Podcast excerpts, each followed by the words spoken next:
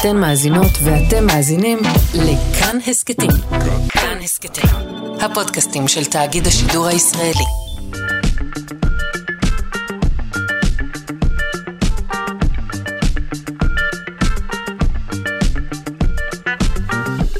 שלושה שיודעים. בוקר טוב למאזיני שלושה שיודעים, מגזין המדע והידע של כאן תרבות. אנחנו ביום רביעי, והבוקר יש לנו שתי שיחות מאוד מעניינות שנוגעות אה, לבינה מלאכותית. ולמאורעות החודשים האחרונים, לאקטואליה. אה, נשמע על סימולציית משחקי תפקידים אה, ככלי עזר להערכות מודיעין, ועל מיזם הסברה ישראלי מחוכם, גם הוא נשען על בינה מלאכותית. כמו כן, נשמע על אפוד מגן, אבל לא למלחמה, אלא לטיסות אה, בחלל. וגם נהיה כאן עם המושג המוזר מספרים מעניינים. נודה מראש לצוות התוכנית שלנו הבוקר, עורכת אלכס לויקר, מפיקה תמר בנימין, תמיר צוברי על הביצוע הטכני. אני שרון קנטור, בואו נתחיל.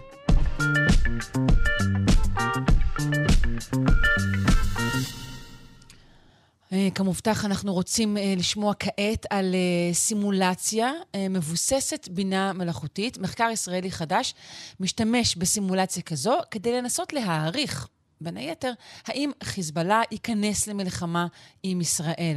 נפנה לדוקטור רועי צזנה, עתידר, עתידן וחוקר במרכז אה, בלווטניק באוניברסיטת תל אביב. שלום. בוקר טוב. בוקר אור. אה, אז מה זאת אומרת אה, סימולציה, משחק תפקידים? למה הכוונה? אה, משחקי תפקידים זו מתודולוגיה, זה כלי שנעשה בהם שימוש כבר, אה, בלי הגזמה, מאות שנים, כדי להכין קצינים אה, לשדה הקרב, כדי לחשוב מה יכול, איך יכול אה, האויב אה, להתנהג, ולא רק בשדה הקרב, אלא גם אה, בעסקים אה, ובאירועים חברתיים, כשמנסים להבין איך בעצם הצד השני חושב ומה עשויות להיות ההחלטות שהוא יקבל. זה משחקי כלומר, אתה אומר, זה כלי, זה כלי אסטרטגי אה, אה, רב שנים. ובאיזה אופן הבינה המלאכותית נכנסת כאן? אה, אז מה שאנחנו עשינו, אה, באחד מהניסויים המטורפים והמשעשעים, אה, אנחנו לקחנו את הבינה המלאכותית, את ה-large language models, מודלי השפה הגדולים שמקובלים כיום כדי לעשות כל מיני עבודות, ואנחנו טענו שאם מאמנים אותם כמו שצריך ומסבירים להם נכון שהם צריכים לחכות אינדיבידואלים מסוימים, הרי שהם יכולים באמת אה, לעשות את זה, לא בצורה מושלמת, אבל באמת לדבר, כמו שלמשל, נס, חס, חסן נסראללה היה מדבר, או היועצים שלו, אברהים אל-אמין אה, והשם ספי אלדין, היו מדברים. יש אה, מדבר ויש חושב. חושב. אתה מתכוון נכון. לחושב? אז okay. אוקיי. זה חלק מהעניין, שהבינה המלאכותית לא חושבת, לא מודעת, ועם זאת, אנחנו רואים שכאשר אה, אנחנו מסתכלים בשיחות בין בני אדם לבין בינות מלאכותיות מהמתקדמות ביותר, כבר קשה להבדיל בין הבן אדם לבין המכונה.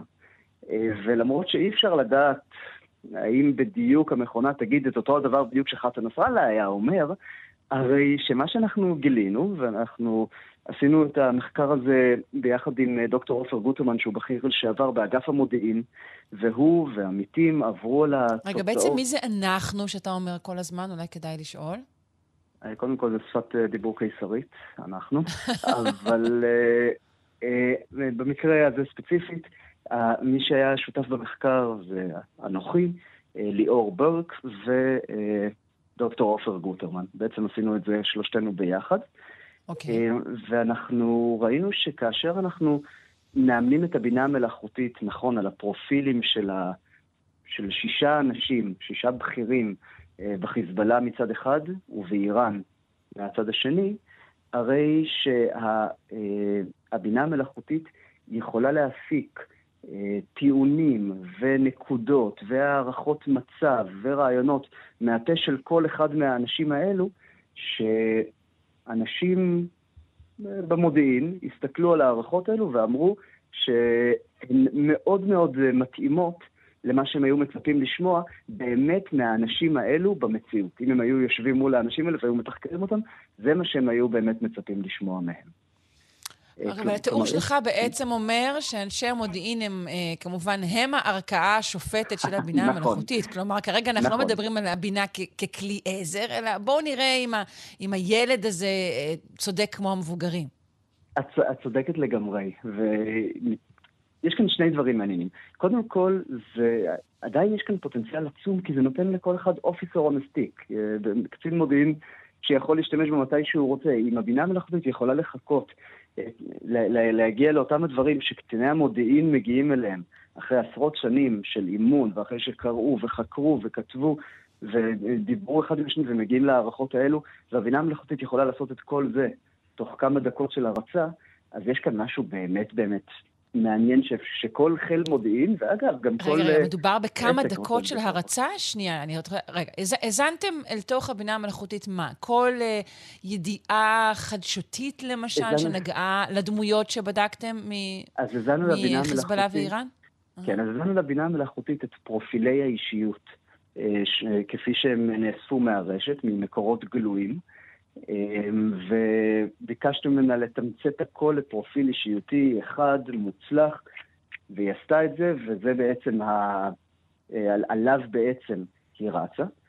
ואנחנו לקחנו איך, כל... איך היא כל... עושה את זה? בעצם היא משווה, נגיד, אה, שוב, בואו ניקח את נסראללה, כי הוא יחסית אה, דמות מוכרת לנו. Mm-hmm. היא, נגיד, שוב, אתה מזין לה את כל הידיעות והנאומים והפעולות שנעשו, אה, נכון, על ידי נסראללה, ואיך היא קובעת, היא, היא משווה את זה, נגיד, להרבה מידע לגבי דמויות ופעולות אחרות? אז במצב... בכלל, בעולם? במצב האידיאלי, היינו רוצים להזין לה את כל הפעולות של נסראללה ואת איך שהוא קם בבוקר ואת כל הכתבים והנאומים שהוא אי פעם עשה. אמ, ואני יכול להגיד לך שניסינו לעשות את זה, ניסינו להזין לנאומים של נסראללה, ואז קרה דבר מאוד מעניין, אה, שהבינה המלאכותית לקחה ברצינות כל קביעה וקביעה שלו, וכשביקשנו ממנה לנסח פרופיל אישיותי על סמך הנאומים שלו בלבד, ובלי להבין את הקונטקסט היותר עמוק, שכל נאום מתוכנן ומנוסח בצורה מאוד זהירה, אז היא קבעה לנו שנסראללה הוא פטריוט, רחום וחנון וחדור מטרה, והמון המון סטריאוטיפים טובים שבעצם הנאום יצר. אולי הוא באמת חדור מטרה. רגע, בוא לא ניקח לו את זה, בסדר? נכון. אבל רחום וחנון אפשר בהחלט להתווכח על זה, ודואג לפלסטינים יותר מכל דבר אחר, כי אלה פשוט הקלישאות שכולם אומרים בנאומים שלהם בעולם הערבי. אז איך אתה גורם אה, לבינה המלאכותית אה, להבדיל באמת בין הנאמר לבין הכוונות? אז אנחנו גילינו קודם כל שבמחקר הזה אנחנו פשוט הסתמכנו על פרופילי אישיות שבני אדם כתבו אותם, ואז נתנו לבינה המלאכותית לעבור עליהם, להצליב את כל המידע ביחד ולברור בעצמה את מה שהיא, אני עושה סימנים של מרכאות עם האצבעות, חושבת שנכון ושחשוב. אמ, ויש לנו כאן בעיה עם הבינה המלאכותית, שבעצם הבינה המלאכותית של היום במידה רבה היא קופסה שחורה. ואנחנו לא בטוחים לגמרי לגמרי איך היא עובדת שם בפנים.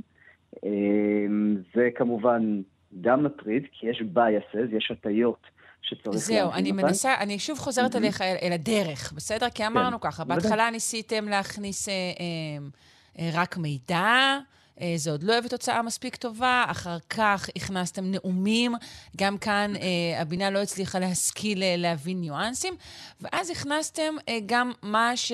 בעצם מה שאנשים אחרים אומרים, ניתוחים, נכון? נכון, ניתוחים של, של ו... מומחים. של מומחים. ואז מה, דאגתם שהניתוחים יהיו, מה, מאוזנים, או שההפך, דווקא לקחתם בעיקר להפך, ניתוחים, לצורך העניין, מערביים? בדיוק. להפך, רצינו לקחת את כל מה שהיה פתוח ברשת, אה, בחרנו ניתוחים שפשוט, שקל מאוד להגיע אליהם, שכל אחד בחיפוש מהיר ברשת יכול היה להגיע אליהם, כי שוב, רצינו גם להראות כאן שגם בלי ברירה מראש שמוטה על ידי הקונספציה, עדיין אפשר להגיע לתשובות של הבינה המלאכותית, שנראות משקפות באמת את, ה, את מה שהאינדיבידואל היה אומר. אוקיי, אז מהו התרחיש בעצם? לא, לא שאלנו מה, התרחיש שהיא יצרה. אז אני, אני רק אגיד דבר אחד אה, כן. לפני זה. אה, זה נכון שבעצם התוצאות, כמו שאת אומרת, זה משרת את הקונספציה. אוקיי, יופי, אז, אז זה מה שהמבוגרים האנושיים כבר אומרים מראש, אז מה הטעם? אבל א', כשאפשר להריץ את זה במקום קצין מודיעין, אה, אנחנו עדיין לא שם, כן? אבל אפשר להבין את הפוטנציאל. וב', זה לוקח דקות להריץ, להריץ סימולציה כזו, ואפשר לתת לה המון המון הטיות שונות שאנחנו מזינים לתוכה. אפשר להגיד שנסראללה עכשיו יותר אגרסיבי, יותר מיליטנטי, יותר דתי, פחות פה, פחות שם, קם בבוקר וגילה... חס וחלילה, בסדר, לא משנה, אוקיי, וגילה כל מיני, כן, שלל דברים שאפשר להכניס. בדיוק, לזכור מרחב עתידי מאוד מאוד גדול, ותוך שעה-שעתיים פתאום לקבל הערכת מצב שהיא הרבה יותר שקולה, שהיא סוקרת הרבה יותר קונספציות מקונספציה אחת בלבד, שכולנו ממוקדים בה. כלומר, יושב במרחב דיגיטלי, יושב מעין תהום דיגיטלי, נגיד של נסראללה, ואפילו בלי שאנחנו עובדים, למשל, מוזנים לו כל העת כל הידיעות שקשורות, נגיד, למערך האזורי, וגם לו עצמו. ואז בעצם הבינה יכולה לשקלל כל הזמן את ההתנהגות האפשרית של נכון, אותו תאום דיגיטלי. נכון, ולשקלל אותה ולהתאים אותה גם להתנהגויות של התאומים האחרים, שגם הם אפשר להגיד כן. להם איך להתנהג. ובקיצור, זה כלי, אני באמת חושב, כלי מאוד מאוד מעניין לסקירת אה, עתידים אפשריים. עכשיו, שאלת לגבי התרחיש הספציפי שאנחנו הרצנו, הרצנו תרחיש אה, שבו, לצערנו, השביעי לאוקטובר קורה כמו שקורה. אה, סיפרנו לתאומים, הוספנו את כולם מסביב לשולחן דיגיטלי אחד, את כל השישה, וסיפרנו להם אה, מה בעצם אה, קרה מיד אחרי זה, שארצות הברית הכריזה שהיא תומכת בנו, שבריטניה שלחה ספינות לאזור, שצרפת הביעה תמיכה, וכן הלאה וכן הלאה. אה, פירטנו כל מיני התפתחויות בתרחיש הזה, צה"ל נכנס לעזה, ושאלנו בסופו של דבר את הכפילים הדיגיטליים, מה בעצם ההחלטה, כל אחד מכם, לאיזה כיוון הוא מצביע. לתקוף את ישראל, להפוך את... אה, שחיזבאללה יכריזו מלחמה מסיבית, לא כמו שיש היום, אלא מלחמה מסיבית ואמיתית על ישראל, או שלא לתקוף במלחמה. אה, ואני רוצה להבהיר מראש שצריך מאוד מאוד להיזהר מלהשתמש בסימולציה כזו ככלי לחיזוי העתיד ולהגיד זה מה שעומד לקרות. כי כל כך הרבה בעיות, יש כל כך הרבה הטיות, צריך מאוד מאוד להיזהר מזה. לא, אבל... לא, והמציאות uh, מורכבת מהרבה מאוד uh, נכון. אירועים בלתי צפויים. Uh, נגיד, נכון. קורונה היא דוגמה, אולי הייתה צפויה לאנשים מסוימים, אבל הייתה נסתרת מעינם של הרבה מאוד אנשים אחרים. ומעניין לציין אגב שבקורונה גם כן הייתה לפני, בזמן קצר לפני הקורונה, הייתה, היה משחק תפקידים גדול באחת האוניברסיטאות של איך מתמודדים עם מגפה גלובלית שמגיעה מסין. אה, כלומר, יש את ה... הם משתמשים בכלים האלה. עכשיו תחשבי אם היה כן. אפשר להריץ סימולציות כאלו, כל ילד היה יכול להריץ אותן וכל ממשלה בקלות של עשרות סימולציות כאלה ביום. טוב, אני אפסיק לשווק את הכלי. אבל... אה, לא, לא, לא, אנחנו עוד נחזור לפן השיווקי, אבל בוא נגיע, בוא נשמע, האם הבינה כן, המלאכותית אוקיי, חזתה לנו אה, שלום כן, אזורי אוקיי, ונפנופי מטפחות לבנות מעבר לצידי הגבול? אז קודם כל, הרצנו אותה בכמה ארצות שונות, כל אחת עם רמת יצירתיות שונה, שנתנו לה כפילים קצת יותר יכולת לצאת מהאימון שלהם וקצת יותר להתפשט עם, עם ה... לצאת מהקופסה. התוצאות היו די חד משמעיות. אמ, בשתיים מתוך שלוש הארצות, אף אחד מהכפילים הדיגיטליים אה, לא רצה להפוך את המלחמה בישראל למלחמה כוללת, אמ, ובסימולציה, השלישית, חמישה מתוך שישה לא רצו להפוך אותה למלחמה כוללת, רק היה אחד אה, ככה מאוד אגרסיבי, חוסיין סלמי, אחד אה, מה... בכירים באיראן, שפחות או יותר אמר לעזאזל הכל, לא אכפת לי על לבנון, לא אכפת לי על ההרס, כי זה משהו שהיה נורא נורא חשוב לכל היתר, של אה, לא, לא אכפת לי כלום כבר, רבתי עם כן, לא אשתי, בואו נלחץ על הכפתור הזה. כן, אה, תחסלו את הישראלים. כן. אה, אגב, אנשי החיזבאללה מאוד היו מודאגים לגבי ההרס שלבנון תחווה. האיראנים כמעט לא, לא הזכירו את זה יותר מדי. לא היה אכפת להם יותר מדי. שוב, אז חושבים אנ... כמו המקומיים. אתה אומר, אנשי חיזבאללה היו כן מודאגים אה, מההרס שקורה בלבנון. תשימי לב כמה, איך אנחנו אומרים את זה, אנשי חיזבאללה. לא, הכפילים הדיגיטליים שלהם, אבל הם כבר מספיק קרובים כן, כן, נכון, באיזה שהן נכון, רמות. נכון, אנשי חיזבאללה לפי ה... כן, יפה, כדי זה, כבר, זה כבר סותר חלק ממה שאומרים אה, אה, בציבור, של, אה, אתה יודע, שלנסראללה לא אכפת בכלל מלבנון. אז אני רואה שהבינה דווקא, אה, אה, אפשר להגיד, אה, משפרת את דמותו הציבורית באיזשהו תראי, אופן. קטונתי מלהגיד מה באמת אכפת לו, זה חלק מהעניין שאני לא יודע מה הוא. חושב, הבינה המלאכותית לא יודעת מה הוא חושב. אנחנו כן יכולים, לפי פרופילי האישיות שלו, הבינה המלאכותית הגיעה למסקנה שכאשר הוא מדבר, הוא, מגדיר במפורש שלבנון אה, היא חשובה וצריך לשמור עליה, ובהתאם לזה הוא נזהר. יפה. לפחות הוא נזהר באיך שהוא בוחר לפעול. שוב. הכפיל אני רוצה הדיגיטלי. לשאול אותך על, על, על, שוב על, על אה, מוטת הכנפיים אה, של הידע. למשל, אה, נכון, אה, הברית אה, עוזרת לנו, אה, ביידן בהחלט, אתה יודע, תומך בנו, אפשר להגיד ללא סייג מהרגע הראשון, אבל אנחנו שומעים השכם והערב על, על כך שהוא בעצם אה, סופג אה, אה, ירידה בכוחו הפוליטי. כתוצאה מזה, ואולי זה מאיים אה, אה, על היכולת שלו לסייע לנו בהמשך. עד, עד כמה רחוק מגיעות אדוות הידע שאתם מכניסים אל תוך המערכת? אמ, שאלה מצוינת. זה תחום שהוא כל כך חדש. אני, לפני שנה וחצי הייתי אומר לך שזה מדע בדיוני. אה, אנחנו עדיין עושים את זה בעיניים פעורות ככה מול המחשב. אה, התחום הוא כל כך חדש שאף אחד לא בטוח עד כמה באמת משפיע הידע הנוסף שאנחנו מכניסים. אנחנו כן יודעים שהוא כן משפיע. הוא יכול הוא- הוא לבלוע את. כל מה שכתוב בעיתונים כל יום, כל היום, נכון? ומתוך כך זה- אה, זה לבנות את. התאומים הדיגיטליים האלו. באידיליה, כן, זה לא, זה לא מופרך uh, בכלל. ואני יכול לספר לך שבאמת אנחנו, אחד הדברים שניסינו היה להכניס ידע נוסף ולשנות את התרחיש, uh, כאילו באמת קרו דברים שונים. Uh, וכשלמשל, כשאנחנו הגדרנו לכפילים הדיגיטליים שבעצם ארצות הברית לא תומכת בנו, uh, אז פתאום אחד מהם שינה את עורו ואמר, בסדר, אפשר לתקוף. וכשאנחנו אמרנו כן. להם שיש זה להם... לא שינה את עורו, זה ש- שקלל מחדש כן, את, אוקיי, אה, כן, את מה שקלל שקורה באזור. זה כן. קצת צודקת, מהמם. הרבה יותר כן. טוב, הגדרה הרבה יותר טובה. וכאשר אנחנו אמרנו להם שיש להם כלי חדש לחיזבאללה שמגן על כל לבנון מהתקיפות האוויריות של ישראל, כמובן אין שום דבר כזה, אבל אמרנו להם, עכשיו תחשבו על תרחיש חדש, קונספציה חדשה, פתאום מתוך השישה, שלושה שינו את דעתם והחליטו כן. כן לתקוף את ישראל במלחמה. ובכן, כן, גם מדיניות ישראל אה, מושפעת רבות מכיפת ברזל, כמובן. אה, בדיוק. אין פה שאלה. אמ, אה, שאלה ממש אחרונה לסיום.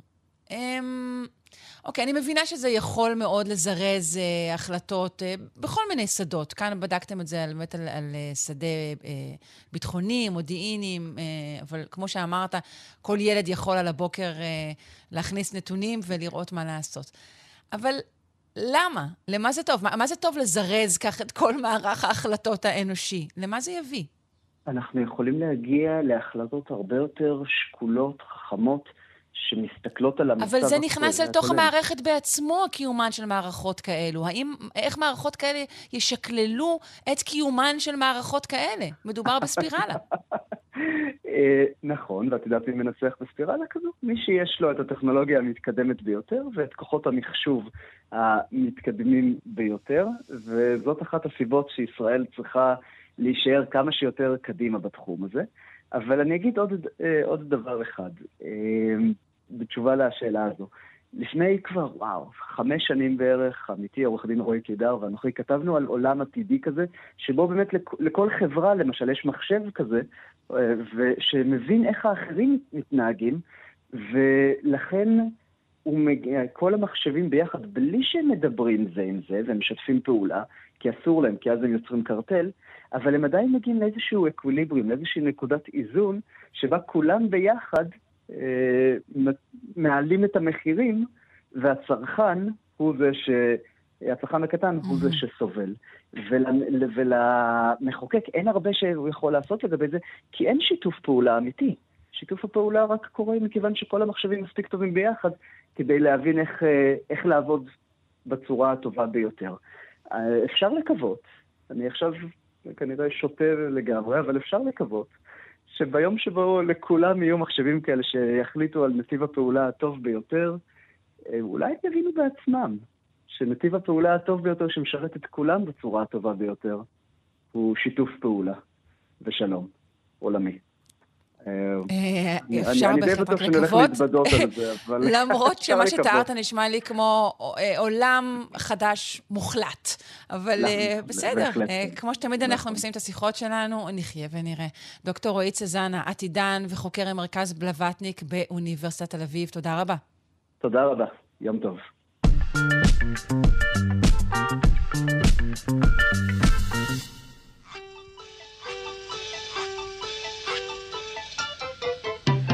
בחשבון זה נכון, אי אפשר לרפרף, בחשבון זה נכון, אי אפשר... שו, תשמעו.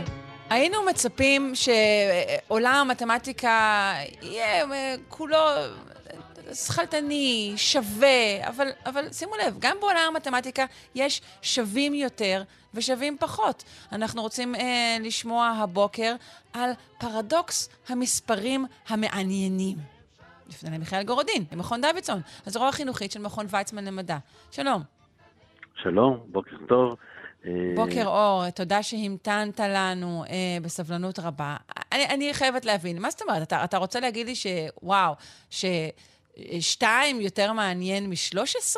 מה זה הסיפור הזה? לא, אז, אה, אה, אז זה, זה אולי ב, לשלב הבא. בואי לא נדרג מי מעניין יותר, מי מעניין פחות, אבל... כן, זה לא יפה. נסכים שאי אפשר להגיד שכל המספרים מעניינים. יש מספרים מעניינים ויש מספרים לא מעניינים. איזה למשל, מספר הוא לא מעניין? יכול... אז בוא, בוא, בוא נשאל מה עובר מספר למעניין. אז למשל, אה, אה, אה, בסיפור שלנו, בסיפור הזה, אה, מתקבל על הדעת להגיד שאם מספר הוא הקטן ביותר שיש לו איזושהי תכונה, זה הופך אותו למעניין. אז הוא כבר לא סתם, הוא הראשון מבין אלה שיש להם איזושהי תכונה. למשל, המספר 2 הוא המספר הראשוני הראשון. כל, כל אלה שבאים אחריו, הראשונים, הם גם ראשונים, אבל 2 היה שם קודם. אה, אבל למה זה, אוקיי, אבל השאלה אם השימוש במילה מעניין או משהו, אז מה הוא היה שם קודם? אז הוא היה שם קודם. זה, זה נכון, אה, אבל אפשר להגיד, אז אה, אפשר, אפשר, אפשר לחפש דרך אחרת להגיד מעניין, אבל זה הופך אותו למעניין לפחות מהבחינה הזאת, שהוא אה, אה, המספר הקטן ביותר הראשון שיש לו איזושהי תכונה. אה, כמו שאנחנו כן. אוהבים אה, את האנשים הראשונים שמגלים משהו, את האנשים הראשונים שממציאים משהו, את האנשים ש, הראשונים ש, אה, שקובעים איזושהי, איזושהי תוצאה. זה הכל רק בעיה שאנחנו תופסים את הזמן באופן ליניארי, אה, אתה יודע, זאת בעיה. וגם פה, רק בעיה שאנחנו סופרים מאפס דווקא, אז אנחנו אומרים, אוקיי, שתיים הוא הראשון. אבל זו סתם דרך. אה, האם זה, האם זה יעבוד גם עם מספרים שליליים?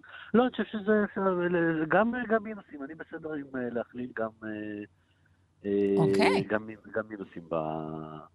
אה, אה, בקבוצה אה, הזו. לא, לא נכון, אנחנו צריכים לספור, לא. נכון, אנחנו צריכים לספור את המספרים, הטבעיים, נכון, צריכים לספור מאפס, אבל בסדר, ככה התחלנו בכיתה א', ככה האנושות התחילה, יש ערך למספרים טבעיים, 0, 1, 2, יותר נכון, בלי, אפילו בלי 0, 1, 2, 3, מספרים שאנחנו סופרים איתם, הם מספרים מכובדים בעצמם, יש להם okay. הרבה אוקיי. מאוד תכונות, אפשר לחקור אותם.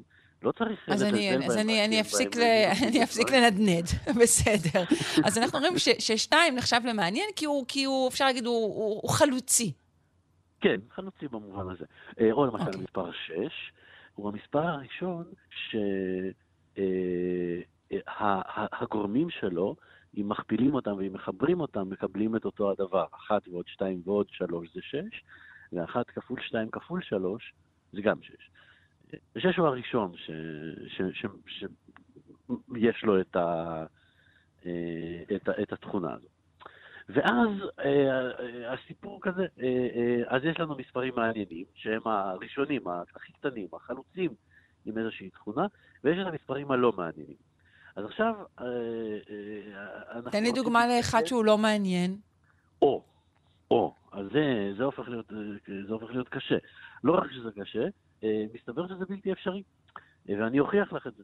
כי אם ניקח את כל המספרים הלא מעניינים, אז יש להם מביניהם אחד שהוא הכי קטן, נכון? הראשון מביניהם, מכל אלה ש... הלא מעניין הראשון. אז זה הופך אותו למעניין. אוקיי, אבל רגע, אנחנו לא מערבבים פה, סליחה, אה, כאילו מתמטיקה ולא יודעת, ולוגיקה ופילוסופיה. אה, זה מה שמעניין, סליחה, על ה...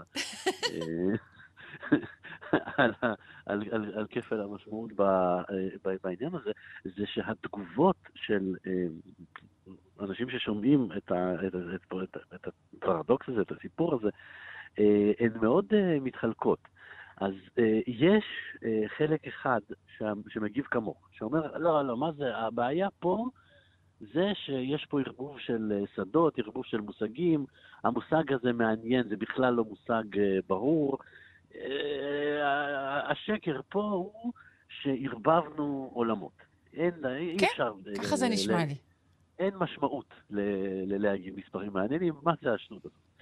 אה, דרך אחרת להסתכל על זה, דרך אה, מאוד קרה ומתמטית, להגיד, אוקיי, נתת, אה, יש איזושהי הגדרה, והמסקנה הלוגית מההגדרה הזאת היא שאין מספרים לא מעניינים. כל המספרים הם מעניינים. לא ייתכן שיש מספרים לא מעניינים, כי כאמור... נשמע כמו תוכנית מרגשת של משרד החינוך. אין מספרים לא מעניינים, כולם מעניינים, ילדים. כל מספר מעניין בדרכו שלו. ואז אה, זאת מין אה, אה, הוכחה קרה וקצת לא נעימה, אבל היא אומרת, אין מה לעשות, לא יכול להיות שיש מספרים לא מעניינים. אם היו כאלה, אז היה בלהם הכי קטן, וזה היה הופך אותו למעניין. אז, אז לא ייתכן, אז אין. הדרך ההגיונית היחידה היא שכל המספרים יהיו מעניינים בדרך כזאת או אחרת. ואולי זה סוג של מבחן אישיות, אולי... אה, אה, רגע, רגע, שנייה, רק, רק הרגזה אחרונה. אם אין מספרים לא מעניינים, אז גם אין מספרים מעניינים. יש פשוט מספרים. הקבוצה מלאה במספרים, וזהו, שלום על ישראל. אז אני, אני, אם אני אקח עכשיו את ה... אז אני רואה שאת שייכת את עצמך חד משמעית לקטגוריית האנשים שאומרים ש, אה, שזה חסר, שהמושג הזה חסר משמעות. אז אני יכול לענות לך ולהגיד לך למה. מה הבעיה מה אכפת לך? שכולם יהיו מעניינים. למה זה מפריע לך? מה? מה אכפת לי? הרי כל המספרים הטבעיים הם למשל חיוביים, נכון? הם כולם חיוביים. מה אכפת לך שהם כולם יהיו מעניינים? למה דווקא אה, אה, חייבים להיות או, מספרים לא מעניינים? אבל הוספת פה עוד קטגוריה, אמרת המספרים הטבעיים. כלומר, אתה מבין? יצרת פה כן הנגדת את זה למשהו אחר. ברגע שהנגדת, אז יצרת קבוצה. ובה, בתוכה, אפשר שתהיה תכונה כמו עניין, מעניינות. ומה הבעיה אבל אם הכל הוא אותו דבר, אז הכל הוא אותו. דבר, אני לא יכולה לתת בו סימנים. אז אה, אולי זה אומר עלייך שאת אדם פסימי, אה, ואילו אני אדם אופטימי, ואני מוכן שכולם יהיו מעניינים, זה לא מפריע לי, אני בסדר עם זה. אני לא יודע, אולי לא, אולי זה, אה, אולי את צודקת. אולי זה עניין של זה, אולי באמת, כשאם הכל מעניין, אז איזה טעם יש ל... למושג הזה, הזה בכלל. אולי הצל מאיר את האור, והניגודים הם שם כדי להאיר אחד את השני. אה, אני ממש מציע להשתמש בזה כמבחן אישיות, מבחן התאמה בין בני זוג. לא, בדיוק קראתי שלפסימים יש הערכה טובה יותר של המציאות, אז, אז נראה לי שאני בסדר. Uh, תגיד, לפני, ממש לפני שאני משחררת אותך לדרכך, uh, דיברנו על מספרים קטנים מאוד שמעניינים. אתה יכול לשלוח אותי לככה איזה מספר שמן, איזה משהו, כמה עשרות, אפילו מאות, כדוגמה למה שאתה קורא לו מספר מעניין? אה, אז אנחנו יכולים, אה, אה, אין, אין גבול, האמת היא שאין גבול לדברים שאפשר, שאפשר להמציא. Mm. אפשר לדבר על מספר, המספר הראשון שהוא סכום של, של שני, של חזקות שלמות, בקיצור, מה שצריך היה להוכיח. כל המספרים מעניינים, אני מבינה. אם ממש רוצים, אז לכל מספר אפשר לייצר איזו תכונה שתפורה, איזה תיק אה, שתפור בדיוק למידותיו, אה, וזה יהיה המספר שאחראי על אה, פיתוח המורשת של המספרים הריבועיים התלת-ספרתיים. פלוס אחד, נגיד, אם זה לא מסתדר לנו טוב.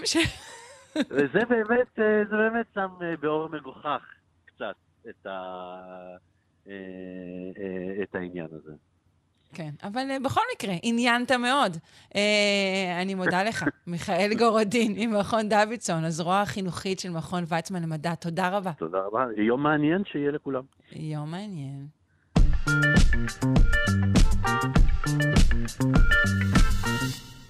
לא, בעצם מה פתאום יום מעניין? לא? יש את הברכה הסינית ההפוכה, נכון? שיהיו לך חיים משעממים. אז אולי בישראל עכשיו צריך להגיד שיהיה לכם יום משעמם.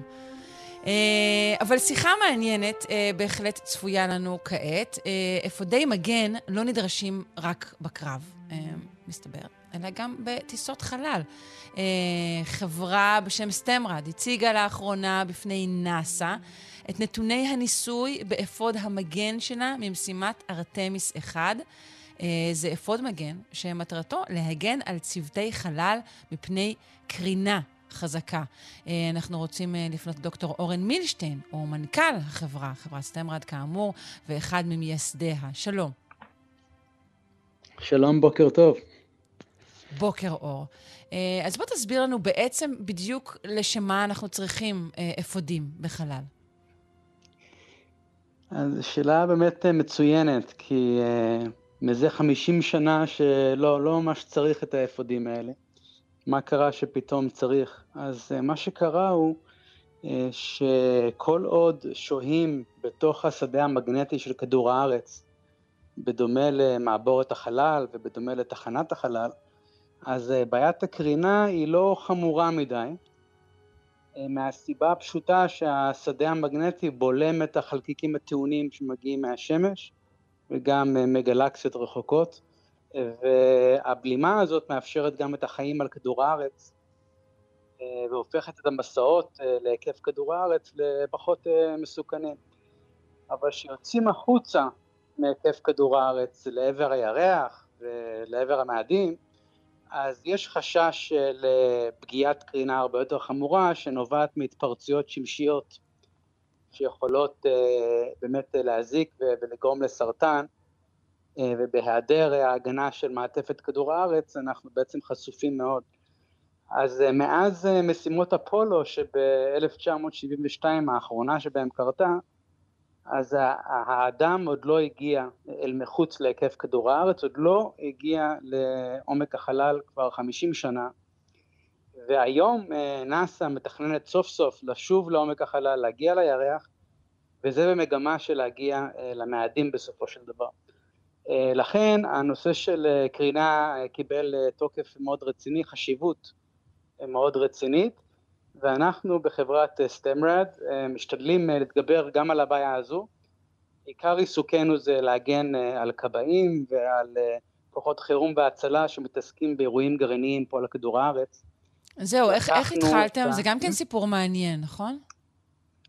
אה, כן, זה סיפור מעניין, כן, אני אה, למעשה עשיתי דוקטורט במכון ויצמן במעבדה של פרופסור יאיר רייזנר, הוא היה אחד הבודדים שנסעו לצ'רנוביל לנסות ולהציל את חיי הכבאים הגיבורים שיצאו מהכורים ב-1986. הוא השריש בי איזושהי מורשת, אה, ואז איך שסיימתי את הלימודים במכון ויצמן, התחלתי פוסט דוקטורט, אז הסיפור של פוקושימה קרה. אז היה שם את, ה, את התקלת קור שנבעה מהצונאמי אה, ב-2011, כן. ושוב, אה, כמו בצ'רנוביל, אה, הכבאים נכנסו ונחשפו לרמות מאוד גבוהות של קרינה, ספציפית קרינת גמא. אז זה בעצם דחף אותי לנטוש את האקדמיה ולהקים חברה שכל עיסוקה הכבאים שהיו שם, סליחה שאני קוטעת אותך, הכבאים כן. שהיו שם אה, פיתחו אחר כך אה, אה, מחלות, סרטן, דברים כאלה? אה, אז אה, בצ'רנוביל, אז אה, מתו הרבה מאוד כבאים, משהו כמו 30, ועוד כמה מאות קיבלו סרטן לוקמיה וסרטנים שהם לא היו מקבלים אלמלא החשיפה, ובפוקושימה הם פשוט נזהרו מאוד הם לא נכנסו בגלל החשש מקרינה, mm. וזה בעצם mm-hmm. גרם לקסקדה של אירועים, שזה נגמר בנזקים עצומים ליפן, ובסופו של דבר אה, לפגיעה אנושה בכל הנושא של אה, תעשיית הגרעין בעולם, שרק עכשיו העולם מתחיל להתאושש מהפגיעה הזו. כן. אז אתה אומר שהחלטת באמת לצאת מהאקדמיה ולעבור לפיתוח של, של, אפשר להגיד, מערכות הגנה פיזיות כאלה, כן. להגן על בני אדם מפני כן, הקרינה פיזיות, הזו. פיזיות, כן. So, הייתה לי תובנה שבעצם בעוד שהאדם מאז הירושימה ונגסקי, האדם התיימר ליצור חליפות מגן שיגנו על כל הגוף מקרינה. והבעיה שם זה שמדובר בקרינה חודרנית כמו גמא או קרינת חלל, צריך אה, שכבות עבות של חומר מאוד מאוד דחוס, ומגיעים למשקלים של אה, חצי טון, טון, כדי להגן על אדם ממנות קרינה שכאלה. אז הוא לא יכול לפעול אז, בשום צורה, מן הסתם. לא יכול לפעול בשום צורה, אז, אז האנושות ניסתה לפתח חומר קל משקל, אה, הרבה יותר קל מעופרת, אבל, אבל היא לא צלחה במשימה הזאתי. ופשוט ויתרו על הגנה לחלוטין. אז אנחנו באנו מתוך הבנה שנכון, אמנם לא ניתן להגן על כל גוף האדם, אבל אולי כן ניתן להגן על חלקים קריטיים מגוף האדם, בשכבות הגנה מעובות, ועדיין לאפשר את התנועה החופשית של הבן אדם.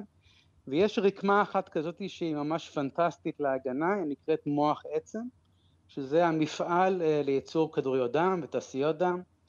אה, וזה בעצם, אה, זאת הרקמה שנפגעת הכי קשה, בצורה הכי אנושה, במקרים של חשיפה לקרינה גבוהה, בין אם בכור גרעיני או בין אם במסע בחלל.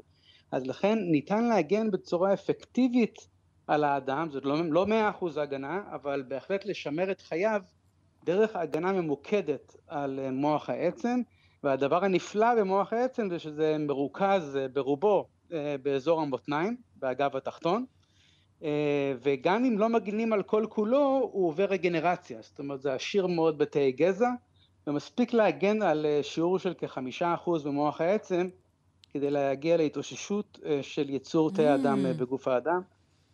ובעצם כל הכבאים שמתו בצ'רנוביל הם מתו מהיעדר מוח עצם, הם מתו ממה שנקרא פלסטיק אנימיה, הם לא יכלו ש... לייצר כדוריות דם. אי אפשר היה לחדש ו... אותו. אהה, אוקיי.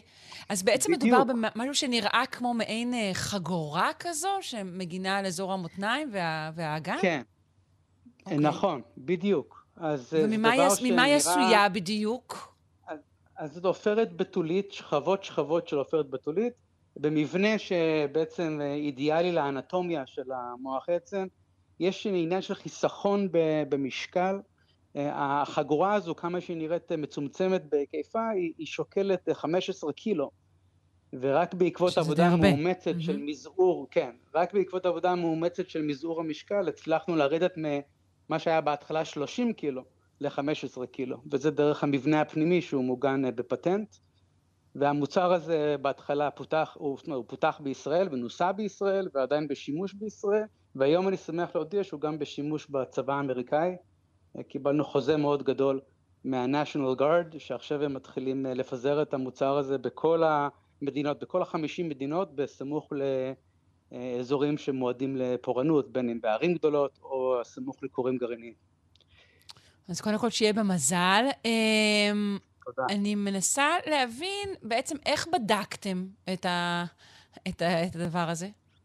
איך זה נעשה, הסימולציות? אז, אז, אז, אז המוצר היבשתי הוא נבדק במעבדות לאומיות אמריקאיות, ראשית בישראל, אה, במספר אוניברסיטאות, אה, ואז אה, במעבדה לאומית, איפה שפיתחו למעשה את הפצצה של, של נגסקי בוושינגטון, אז שם יש להם מומחיות גדולה מאוד בהתמודדות עם מה שנקרא Radioactive Fallout. אז הם כן. השתמשו בבובות, בובות שהן זהות למעשה לבובות ש... טסו על אה, ארתמס אחד מסביב אה, לירח אה, ושקיבלנו תוצאות נפלאות. אז אלה היו בובות שמדמות את גוף האדם בצורה ממש ממש מדויקת, למעשה מבוססות על, על שלדים של בני אדם אמיתיים. אבל אפשר והמוסות... לדעת מה תהיה פגיעה במוח העצם? אז כן, אז שתלנו מאות חיישני קרינה במעמקי המוח עצם בשלדים האלה. וב, ולאחר הקרינה, אנחנו, אה, לאחר אמנות הקרינה שניתנו, אנחנו קצרנו את חיישני הקרינה וראינו את המשמעות של הנחתת הקרינה אה, על ידי החגורה, וראינו שהחגורה מנחיתה את הקרינה ברמה כזו שהאדם היה יכול לספוג גם מנת קרינה שדומה לרמות הגבוהות ביותר בצ'רנוביל, אה, משהו כמו עשרה גריי, ועדיין לשרוד. אוקיי, okay, זאת אומרת שהסימולציות אה, בעצם אה, הצליחו לחקות גם את הקרינה החללית, לא רק את הקרינה הארצית. כן, אז הקרינה, אז זה דבר מדהים, אז עשינו ניסוי ב, עם המוצר היבשתי, אה, זה יחסית פשוט היה, אבל איך עושים ניסוי בחלל? אז היינו צריכים הזדמנות של פעם בחיים להיות משוגרים על הטיל הכי גדול בהיסטוריה של המין האנושי, שיכל לשאת מסה אדירה לעבר הירח. אז אנחנו היינו פיילוד, uh, ניסוי במשקל 112 קילוגרם, כאשר העלות לשלוח קילוגרם לירח זה מיליון דולר. אז הושקע הרבה וואו. כסף uh, בעניין הזה, וזה, כן, המסע עלה 7 מיליארד דולר לנאסא בכללותו, והם בדקו את כל הכלים שנדרשים לשלוח בני אדם בפעם הראשונה מאז 1972 אה, לירח, וזה מסע שיקרא ארתמיס 2, והוא יצא בעוד שנתיים. אה, והוכחנו שהווסטים ובו כבר אסטרונאוטים אנושיים ילבשו את האפוד הזה? אז הם, אה, זאת אומרת, במידת הצורך, אה, זה מאוד תלוי גם בפעילות השמש, אז אפשר לחזות פחות או יותר מה הסבירות להתפרצות שמשית ולעשות איזה סטטיסטיקה מסוימת. אז למשל במסורת של אפולו הם הימרו שלא יהיו בכלל התפרצויות שמשיות, ויצא שהם צדקו, אם כי הם פספסו בשבועיים בסך הכל את ההתפרצות הגדולה ביותר שנרשמה בהיסטוריה, אז היה להם מזל גדול גם. אז עכשיו נאס"א היא נוסעת לא לשבוע או שבועיים, היא רוצה להגיע לחודש ולחודשיים לקליפת הירח, וזה ברור שהם ייחשפו. ככל שהמסעות יתקדמו, אז ככה המוצר שלנו יהיה יותר אה, נחוץ. המסע הקרוב שקורה בעוד שנתיים הוא רק לשבוע, לכן לא בטוח שנאס"א תציית האסטרונאוטים. שוב פעם העלויות הן עצומות לשגר את הווסטים כן. האלה. אבל, אבל לארטמיס 3 אנחנו מתכווננים יחד עם סוכנות החלל הישראלית להיות שם בוודאות על, על הנחיתה הראשונה על הירח אה, מאז 1972 והביקור הראשון של אישה בקליפת הירח. אז זה דבר מאוד מרגש, ואגב, נשים גם יותר רגישות. זהו, בדיוק, רציתי לשאול על ההתאמה של האפוד כן. הזה אה, לנשים. כן, כן אז, אז האפוד הזה הוא בעצם מעובה באזורים שיש איברים רגישים, אז במקרה של האישה ישנם עוד שני איברים רגישים שאין אצל הגבר, שזה החזה והשחלות, שהם מאוד uh, רגישים, זאת אומרת הסבירות לסרטן היא עולה דרמטית באיברים האלה, אז הווסט שלנו הוא מעובה בסמיכות לאיברים האלה, ככה שנבלמת הקרינה uh, לרמה uh, הרבה, הרבה פחותה, זאת אומרת 60 אחוז מהקרינה נבלמת, שזה יכול להיות ההבדל בין חיים ומוות. כן, לגמרי. Uh, טוב, מרתק וכמובן uh, מרגש. Uh, אני מודה לך מאוד על השיחה הזו, דוקטור אורן מילשטיין, מנכ"ל אה, חברת סטמרד ואחד ממייסדיה. בהצלחה. נכון. תודה רבה, שרון. יום טוב. ביי ביי. יום טוב.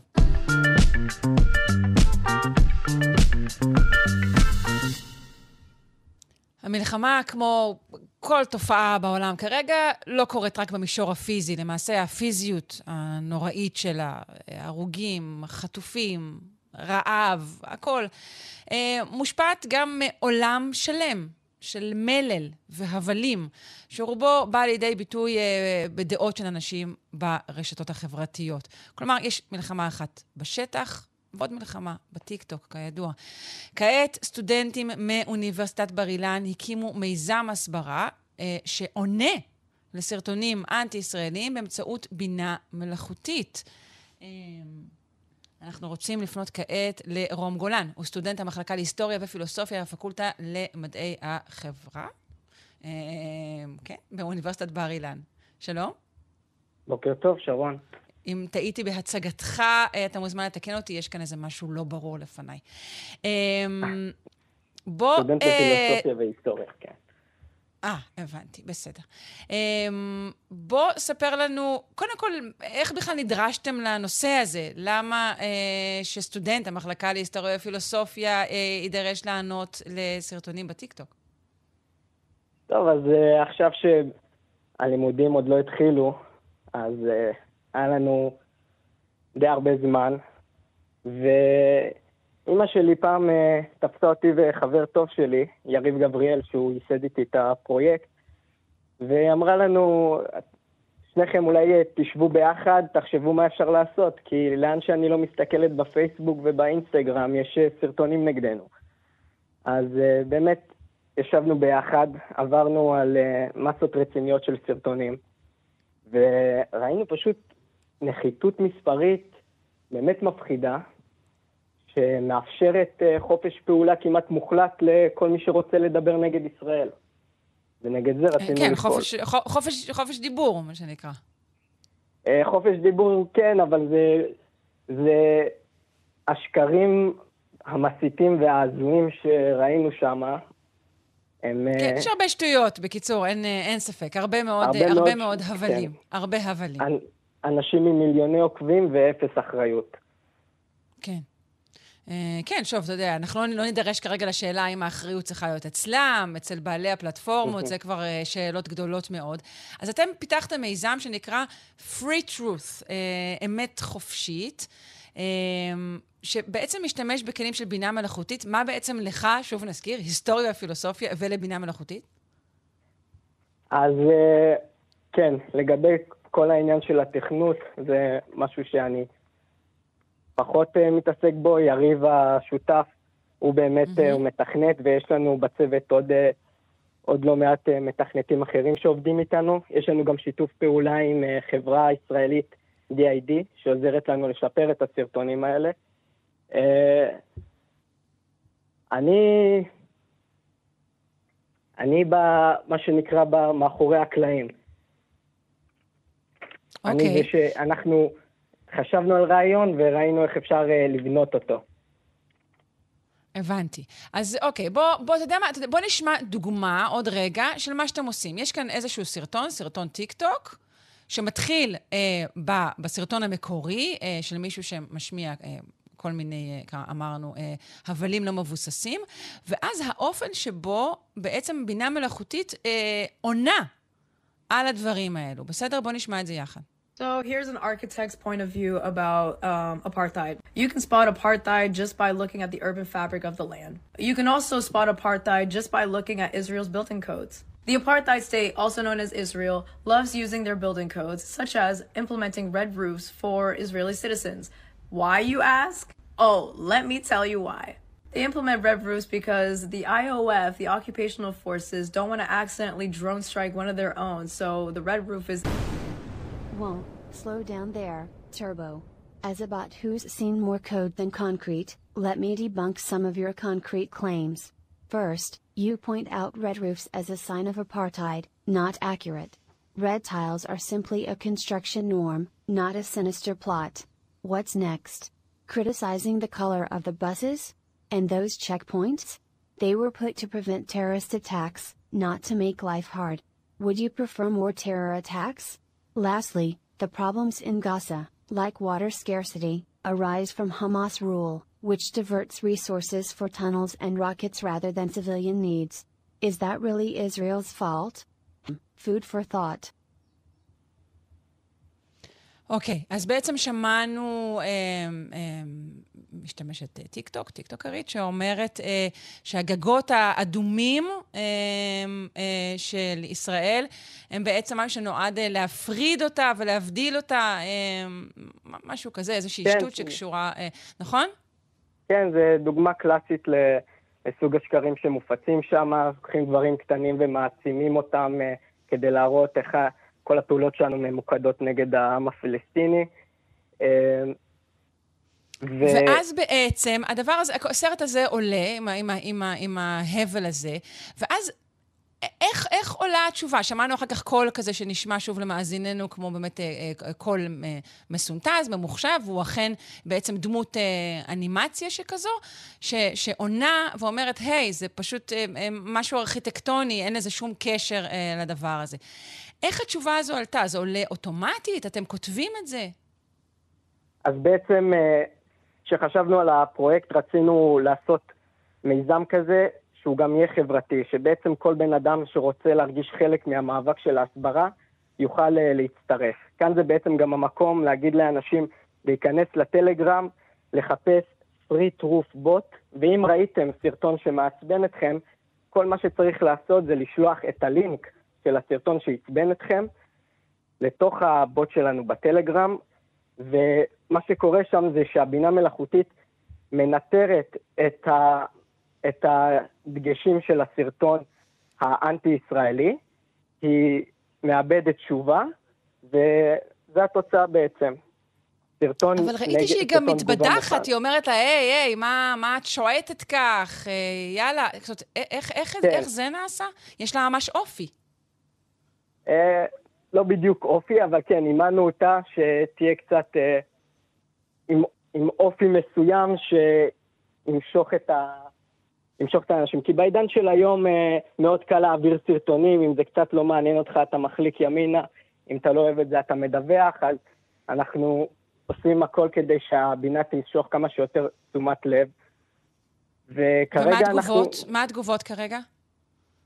אז uh, התגובות, uh, התגובות טובות, יש לנו גם uh, הרבה עוקבים uh, מהעולם הערבי, ואני באמת, החזון שלנו זה שבסופו של דבר אנחנו נוכל להפיץ את הדמות של הבינה המלאכותית לא רק באנגלית, אלא גם בספרדית, בצרפתית, באיטלקית, סינית ואולי גם ערבית. יש לה שם ספציפי? היא דמות שאתם, שאתם מפתחים? כן, כן. Okay. אוקיי. המפתחים קראו לה דמות פריה, ואנחנו עתידים להעלות עוד דמויות עם שמות שונים שיפנו לכמה שיותר קהלים, כי באמת יש כל כך הרבה קהילות יהודיות בעולם, שאנחנו פשוט רוצים לצרף אותם למאבק. כל כן. בן אדם, אה... על כל סרטון שלהם אנחנו יכולים להפיק אין סוף סרטונים שונים. זה באמת, זה כלי שיכול אה, להיאבק באופן רציני בנחיתות המספרית שלנו. כן, אני מבינה. Uh, טוב, מעניין מאוד, אז uh, נציע למאזיננו לחפש את uh, Free Truth, נכון? Free Truth בוט בטלגרם, כן. בוט, בטלגרם. אוקיי. Uh, אני מודה לך מאוד, רום גולן, סטודנט המחלקה להיסטוריה ופילוסופיה, הפקולטה למדעי הרוח באוניברסיטת בר אילן. תודה רבה. תודה רבה, שרון.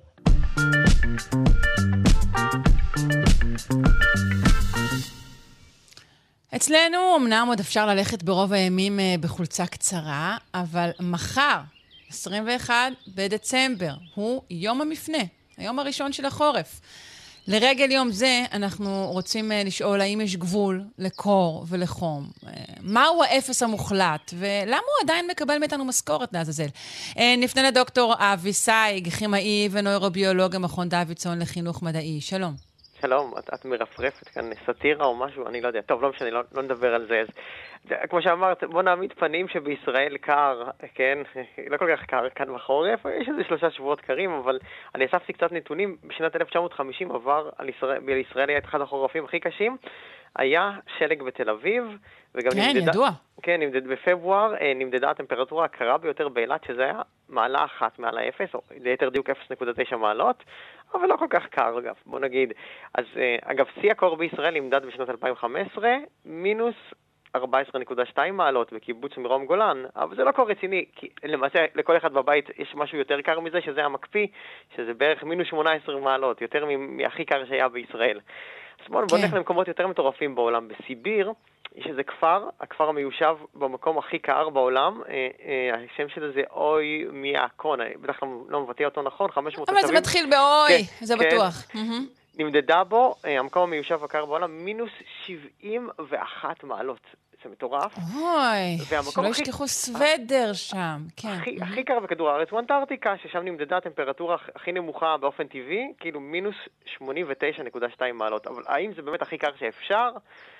התשובה היא לא, אפשר יותר קר. למשל, אוויר... אפשר יותר קר, אוקיי. אוויר נוזלי, שאוויר שקירו אותו כל כך שהוא הפך כאילו מנוזל לגז, אה, מגז, סליחה, מגז לנוזל, אוויר נוזלי, הוא בטמפרטורה של מינוס 194 מעלות, או 194 מעלות מתחת לאפס, ומקררים בו הקפאה של תרומות זרע וביציות. תמיד רואים כאלה תרמוסים ענקיים, קוראים להם דיוארים, שמוציאים משם דברים, יש בפנים אוויר נוזלי. במינוס 194 מעלות, זה מאוד קר. אז אפשר להגיע ליותר רגע, קר. אז אתה אומר שבעצם את, את תרומת זרע או ביציות אה, נשמרת בטמפרטורה כל כך קרה. כן, כי זה מה ששומר עליה ללא, ללא נזק, עד כמה שיודעים, אה, לזמן בלתי מוגבל, כן? מעניין מהי הטמפרטורה שבה שומרים, אה, כאילו, סלב שרוצים ש... שיעירו אותם אה, אחר כך, אה, אלוויס וזה, אני, אני, אני צריך לברר... אני לא יודעת אם אלוויס, אני לא חושבת שאלוויס הוקפא. אלוויס הוקפא? אני לא, לא בטוחה. לא, לא אלוויס, סליחה, צ'רלי צ'פלין, לא. אני חושב, צ'רלי צ'פלין. וולט דיסני אולי הוקפא, למשל. כן. וולט דיסני, וולט דיסני, נכון. הייתי רוצה לדעת באיזה טמפרטורה כרגע וולט דיסני נמצא, אני אנסה לברר.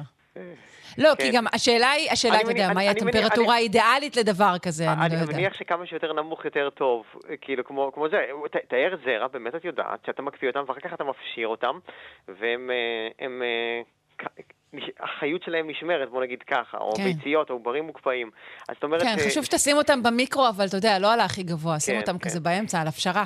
זה- אה, זה- תגיד, זה לא יש- הנושא, אבל, יש- אבל מה שחשוב זה כאילו שם כן. ההקפאה מהירה, כי כאילו כשאתה מקפיא משהו לאט, זה כמו בקבוק זכוכית ב- ב- במקפיא, המים מתנפחים, ואז הם נש- נשברים והתאים יתפוצצו. אז אם אתה מקפיא במהירות, זאת אומרת כמות קטנה, וזורק אותה לחנקן נוזלי, אז זה כאילו מדלג על השלב הזה של, ה...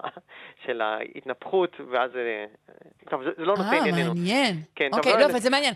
רגע, יש לי שאלה. אה, אז אמרנו, טמפרטורה של מינוס 196. עכשיו אפשר להגיע יותר... אז, בדיוק, אוקיי, אפשר כן, יותר קל? כן, כן. אז זהו, אז תראי, אז בוא נגיד לך, לגבי חום, בתנור אפשר לחמם ל-300 מעלות, יש מבערים 1,500, 3,000 מעלות, בשמש מיליון מעלות, אז יש גבול לקור, האם אפשר מינוס 300 מעלות, מינוס 1,000? אז יש גבול לקור, והוא מאוד קרוב, ואפילו למינוס 300 מעלות אי אפשר להגיע. אי אפשר להגיע. עכשיו, האדם הראשון שהביא את זה, הבין את זה, היה צרפתי בשם גיום אמונטון. גם בטח אני לא אומר את השם שלו נכון, הוא היה מדען והוא היה בונה מדחומים, אז בטח עניין אותו נושא הטמפרטורה. והמדחומים שלו לפני 300 שנה, הם בטח לא היו דיגיטליים כמו של ימינו, וגם לא היו כמו אלה עם הכספית שזזה, הם היו אחרים, אחרים הם היו יותר דומים ל... אה, ל, ל אה, למזרקים, המדחום שלו. מזרק שהוא סגור מצד אחד. עכשיו, כשהטמפרטורה הייתה עולה, אז הגז בפנים היה מתפשט ודוחף את הבוכנה החוצה. וכשהטמפרטורה הייתה יורדת, הבוכנה הייתה, הגז היה מת- מתכווץ, או הלחץ שלו יורד, והבוכנה הייתה נדחפת. כן? מין מזרק כזה שזז. ואז הוא אמר, רגע, רגע, ככל שאני מקרר, הנפח של המזרק קטן וקטן וקטן וקטן, אז חייבת להיות איזו טמפרטורה שבה הנפח של הגז ירד לאפס, כן? אין, ואז כנראה, ואז אי אפשר לרדת יותר מזה. אין יותר נפח קטן מאפס. כי, אה, אה, וזה יהיה הגבול של הקור. אז הוא עשה חשבונות והגיע למסקנה שהטמפרטורה הקרה ביותר היא מינוס 240 מעלות. אז הוא טעה בחשבונות, אבל צדק בעיקרון. אז אה, מאה שנים של מדידות שעשו מדענים, בסוף הגיעו למסקנה, אה, בריטי בשם לורד קלווין, שהטמפרטורה הכי נמוכה האפשרית היא מינוס 273 מעלות. אי אפשר לרדת יותר ממנה. עכשיו, למה? למה זה? כן, למה זה? אני- ואני רוצה להדגיש גם מה ההבדל העקרוני, הפיזיקלי, בין כן. קור לבין חום. כי כן. לכאורה, הייתי חושבת שזה בעצם, אתה יודע, סקאלה אחת, שאם יש לה אה, אה. אין סוף בצד אחד, שיהיה לה גם אין סוף בצד לא, שני. לא, אז אה, עכשיו זה סקאלה אחת, ועכשיו בקלות תביני למה אין לה אינסוף בצד שני. בעצם טמפרטורה מייצגת, סליחה על המילה הגסה, אנרגיה קינטית של חלקיקים, או בשפה יותר פשוטה, כמה מהר הם זזים. העולם בנוי מחלקיקים קטנטנים, אטומים ומולקולות, והם כל הזמן זזים. מסתובבים, רוטטים, עפים לכל הכיוונים, כן? ככל שהם זזים יותר לאט, הטמפרטורה שלהם יותר נמוכה ויותר נמוכה ויותר נמוכה. אז ברור שברגע שהם נעצרים, אז אין טמפרטורה יותר. והחלקיקים כולם נעצרים בטמפרטורה של מינוס 273, וזה האפס המוחלט. אין יותר לאט מזה, אין יותר לאט מלעצור. הם בעצם קופאים, אגב, המילה. לקפוא זה מילה טובה, כי לקפוא זה גם להתקרר וגם לקפוא במקום. החלקיקים קופאים במקום.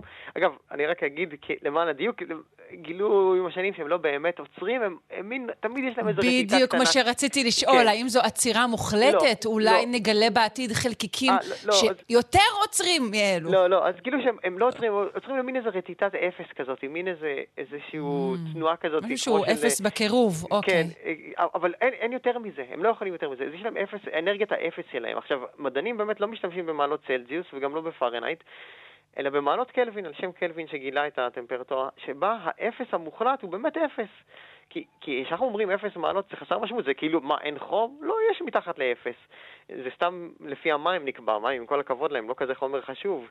אז האפס שבו מדענים משתמשים, הסולם טמפרטורה הוא סולם קלווין, ואז באמת יש בו אפס שהוא אפס, שבו אין חום, אין, אין, אין טמפרטורה, אין טמפרטורה. אה, ואגב, אי אפשר... ומקודם- ומקודם אמרתי ש- שחום זה אינסופי, אבל כן. אולי גם זה לא נכון? אז זהו, אז, אז חום, בוא נגיד ככה, יש בתוך השמש 100 מיליון מעלות, אתה יכול להגיד שאני יכול לנוע כמה שיותר מהר, אבל כאן נכנסת תורת היחסות ופיזיקה, שקבעה שהמהירות הכי גבוהה בעולם היא מהירות האור. אין מהירות יותר גבוהה ממנה. זאת אומרת, יש גבול גם לחום וגם גם לקור. גם לחום יש גבול. ו- mm. ואז, אז, אם אתה עושה חישובים, נגיד אטום מימן, שזה היסוד הכי נפוץ בעולם, אם הוא נע במהירות האור, הוא יגיע ל-13 טריליון מעלות. זאת אומרת, 1 ו-13, אה, לא, 10 טריליון מעלות. זאת אומרת, 1 ו-13 אפסים אחריו. Mm-hmm. שזה טמפרטורה מטורפת, כאילו... עשרת אלפים מיליארד מעלות, אבל גם לזה יש גבול, אבל אף אחד אפילו לא מתקרב. אני רוצה להגיד שגם לאפס המוחלט, למעשה אי אפשר להגיע, רק להתקרב אליו, כי אין שום דבר... כדי לקרר משהו אני צריך לשאוב ממנו את הקור, כדי להב... איזה חפץ אחר שהוא יעביר את הקור אליו. אבל אם הוא... אין לי משהו יותר קר מאפס מעלות קלווין, אז אני לא יכול, להתקר... לא יכול לקרר בעצם אל האפס. אני יכול רק להתקרב אבל רגע, כשאנחנו מדברים על חלקיקים, האם כשמשהו הוא אפשרי או בלתי אפשרי, זה לא ניתן בעצם ל... להוכחה, זאת רק הוכחה תאורטית, לא? אה, אה, אה, לא, זו הוכחה תאורטית עם המון המון המון אה, דברים מעשיים שמאוששים אותה. זאת אומרת, אתה רואה שאתה מנסה לקרר דברים, מעולם, מעולם לא עברו את הגבול של 273, 273.15, אם אני רוצה לדייק. הגיעו אפילו כן. למאית מעלה מעל זה ולא מצליחים. זאת אומרת, החשבונות נכונים, וגם נראה שהגבול הזה הוא בלתי עביר. זה באמת הטמפרטורה שבה הכל עוצר. הכל עוצר, ויש גבול לקור. תחשבי, התנור שלך מגיע אולי ל-300 מעלות בבית, אבל למי 300 מעלות כבר אי אפשר להגיע. אנחנו מאוד מאוד קרובים, אנחנו בעצם חיים, אה, אם תסתכלי על הסקאלה, מאוד מאוד קרוב לאפס. מאוד קרוב לאפס. אה, החיים כן. של כולנו כאן. אה, אנחנו חושבים שאנחנו באזור חם, אבל בעצם אנחנו קרובים לאפס. כן, אבל, יחסית, ל, יחסית לטמפרטורות שמנינו כאן, אנחנו כן, בהחלט כן, קרובים, כן, קרובים אבל, לאפס. אבל טוב שכך, בזכות זה המים נוזליים וה, והכל, והדברים מוצק, מוצקים וכולי, בשמש, כן. הכל פלזמה וגזים. כן. אבל האמת היא... טוב, כשאתה מסתכל על הדברים האלה ככה, כשאתה מתאר אותם ככה, זה בהחלט נשמע מרגיע. אה, טוב, אני אה, אאחל לך חורף מוצלח, שבאמת אה, נחוש כאן קצת חורף של ממש. כן. ותודה רבה על ההסברים, דוקטור אבי סייג, כימאי ונוירוביולוג ממכון דוידסון לחינוך מדעי. תודה. תודה רבה, שרון, ביי ביי.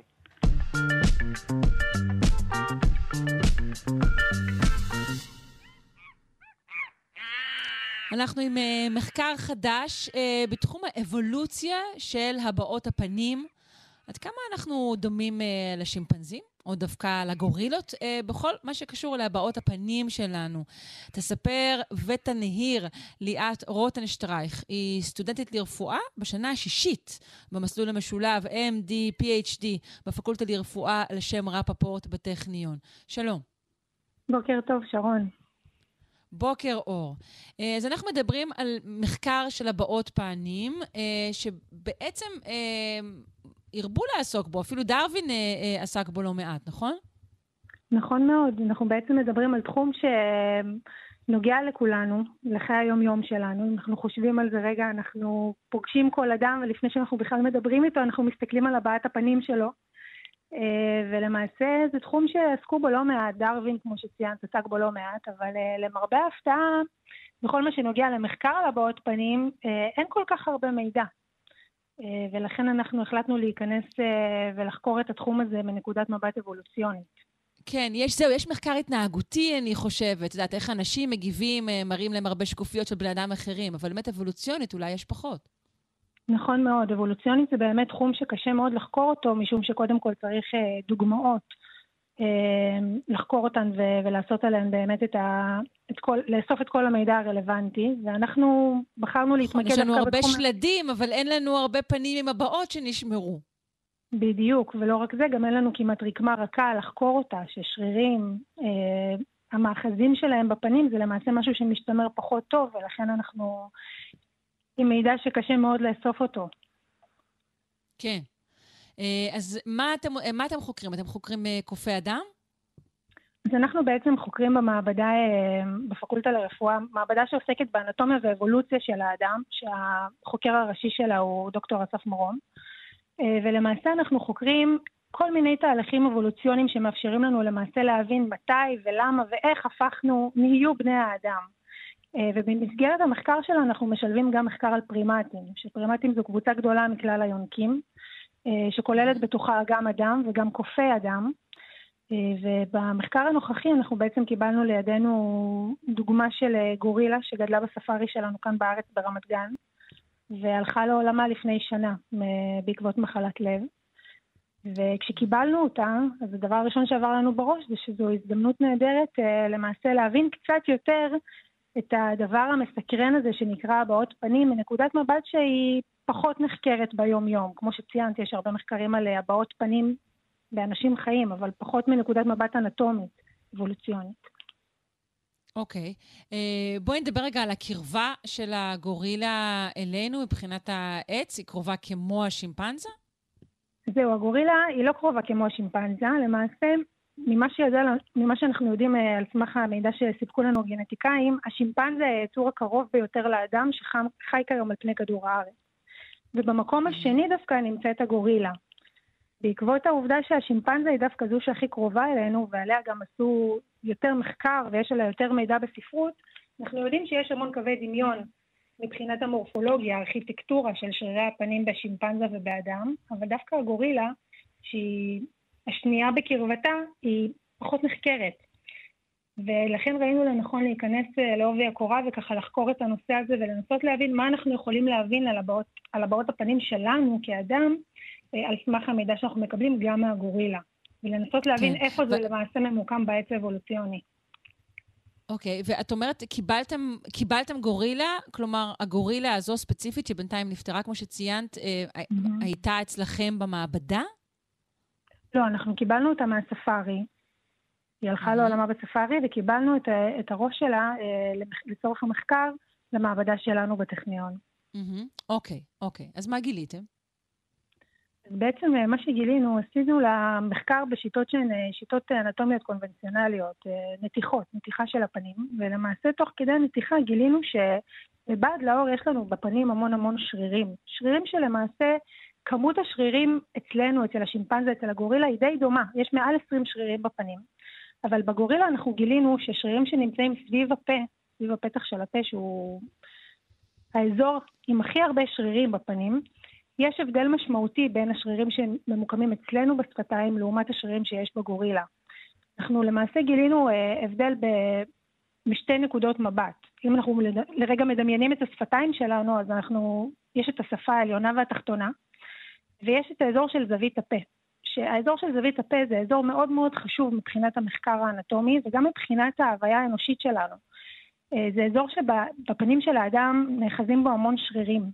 וזה מה שמאפשר בעצם את התנועתיות והדיוק וה... ומידת החופש הגדולה של השפתיים שלנו בכל מה שנוגע לדיבור והבעות פנים.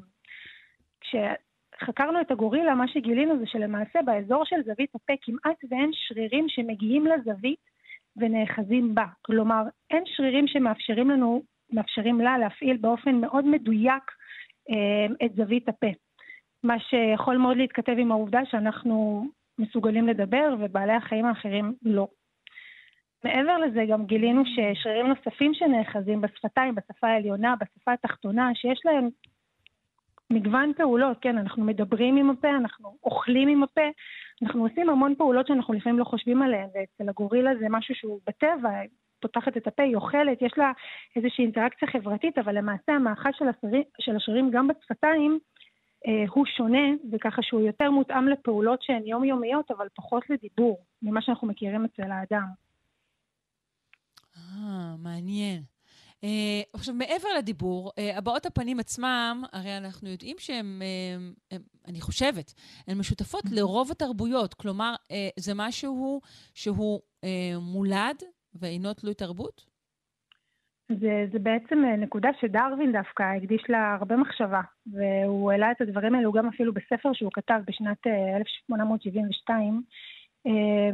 והוא למעשה טען שהבעות הפנים הן דבר אוניברסלי, הן דבר שהוא מולד וטבוע בנו. אבל אה, למעשה, אם אנחנו חושבים על זה, מה, ש... מה שאנחנו רואים באדם שמולנו ומפרשים אותו כהבעת פנים זה למעשה תנועה של שריר. אנחנו כבני אדם ויצורים שמסוגלים לחשוב ולהביע את המחשבות שלנו בדיבור, מפרשים את זה כאיזושהי הבעת פנים, כרגש או מחשבה שעוברת באדם, בראש של אדם אחר. אז הבעות הפנים הן מאוד דומות והבסיס האנטומי הוא מאוד מאוד דומה בין אנשים שונים. אבל האם אה, בכל התרבויות המשמעות היא זהה, זה כבר אה, נתון לפרשנות אישית או תרבותית. אבל כשאני אראה אה, גורילה כועסת, לצורך העניין, אני אדע לזהות את זה? כלומר, הבעת הפנים, מה שקורה לשרירי ה... לשרירים של אזור הלסת, יהיה דומה? זו נקודה מאוד מעניינת מה שאת מעלה, כי לא בהכרח. כלומר, שרירי הפנים של הגורילה הם מאוד דומים לשרירים שלנו מבחינת הסידור שלהם באופן כללי. והכמו, וכמו שאמרתי, כמות השרירים. אבל למעשה, התנועה שהשריר שלה מבצע בפנים יכולה להתפרש על ידינו ככעס. למשל, שגורילה חושפת שיניים, חשיפת שיניים אצל אדם מתפרש כחיוך. אבל אצל גורילה זה יכול למשל להתבטא ככעס, כפחד אפילו, כחשש. כלומר, אנחנו לא בהכרח יכולים לקחת את הבעת הפנים שלה, וכשאנחנו מפרשים אותה כ- כרגש מסוים, זה לא בהכרח מה שבאמת קורה ועובר לה בראש, או מה שהיא מנסה לאותת לסביבה הטבעית שבה היא חיה. זה דבר שאנחנו בהחלט צריכים לחקור אותו ולהבין איך זה משתלב אחד עם השני. כלומר, הבעות הפנים יחד עם הרגש, או מה שהיא מנסה להבין. כן. כן. המחקר שלכם, אה, מעבר למידע המעניין מאוד שמופק ממנו, אה, גם יכול בעצם לשמש אותנו לצרכים אה, רפואיים למיניהם? לניתוחים?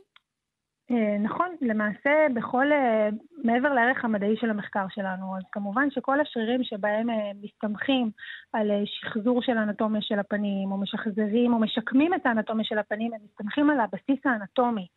אה, ובהחלט המחקר הזה יכול לתרום לנו המון בשביל להבין את הקשרים בין המרכיבים השונים של הפנים, בשביל לנתח את הבעות הפנים ולהבין אה, למעשה, להשוות בין הבעות פנים שונות, אה, ולהבין גם מה הבסיס הנוירו-אנטומי שעומד מאחורי הבעות האלו, וככה לאפשר לנו לתת למטופלים גם בעתיד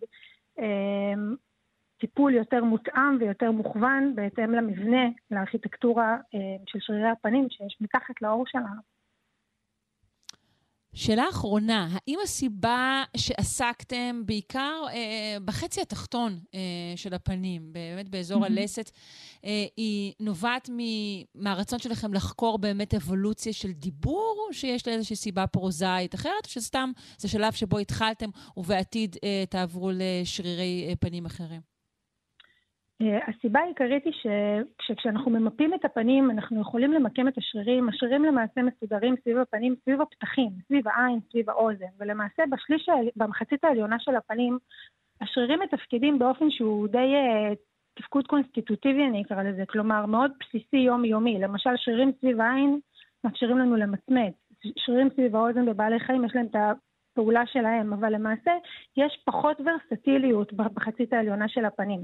דווקא בשרירים שנמצאים סביב הפה יש המון ורסטיליות, יש מגוון רב יותר, וגם כמובן אה, אנחנו יכולים לקשר את זה לדיבור, ולכן לקחנו את הכל ביחד, וכל המרכיבים האלו הובילו אותנו להתמקד דווקא במחצית התחתונה של הפנים. מעניין מאוד. Uh, אני מודה לך על השיחה, uh, ומאחלת הרבה בהצלחה uh, בהמשך עם המחקר הזה ומחקרים נוספים. ליאת רוטנשטרייך, סטודנטית לרפואה בשנתה השישית במסלול המשולב MD-PhD בפקולטה לרפואה על שם רפפורט בטכניון. תודה. תודה רבה.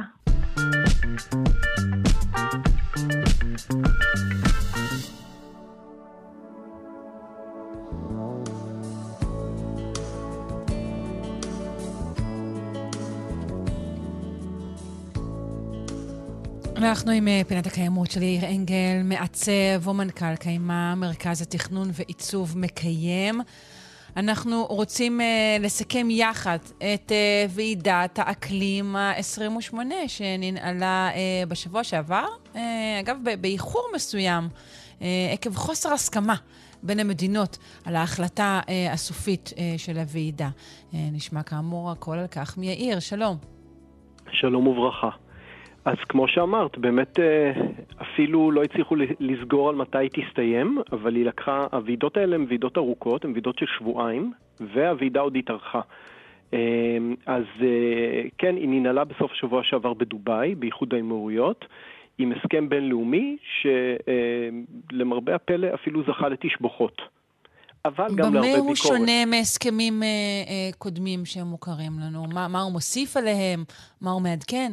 אז הדבר הראשון והחשוב זה שבפעם הראשונה הזאת, ועידת האקלים נקראת קופ 28, 28, זה אומר שהיו 28 ועידות אקלים עד עכשיו, אה, ועוד, אה, אני תכף אזכיר, היו עוד אה, מפגשים מאוד מאוד משמעותיים, וזו פעם ראשונה ש... כלומר, רגע, זו השנה ה-28? אנחנו סופרים פעם בשנה?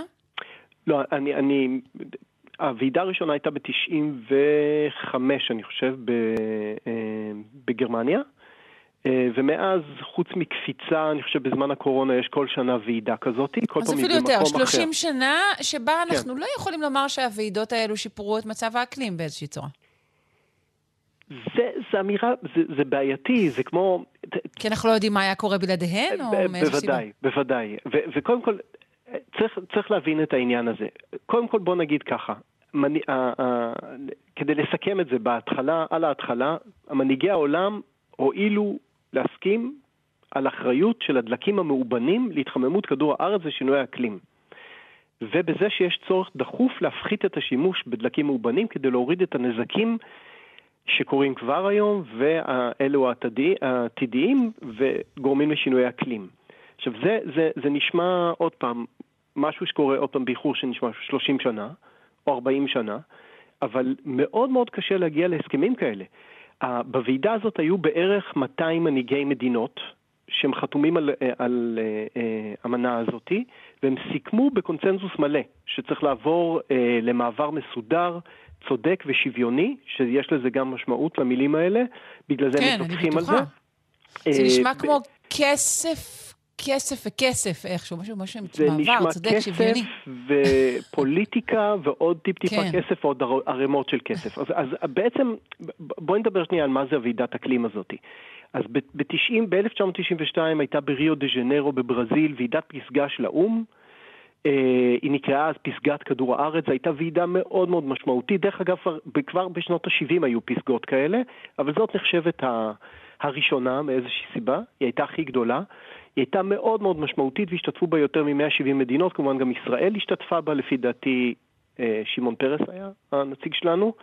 אה, ההתכנסות הזאת היא, היא, היא קרתה והתגבשה כבר אז, אני עוד פעם אומר, זה נשמע כאילו, אנחנו כל פעם מדברים כאילו המציאו את זה לפני חמש דקות, אבל כבר בשנת 92 התגבשה כזאת התכנסות חשובה בגלל שינויי האקלים, שהיו, כללו התגברות של מקרי קיצון, של סופות ובצורות בעולם, וכבר אז החליטו רוב המדענים בעולם שזה אה, אחריות של בני האדם ברוב, ברוב המקרים, ובגלל זה התארג, עשו את ההתארגנות הבינלאומית הזאת כדי לטפל, להתכנס כולם ביחד ולטפל במצב.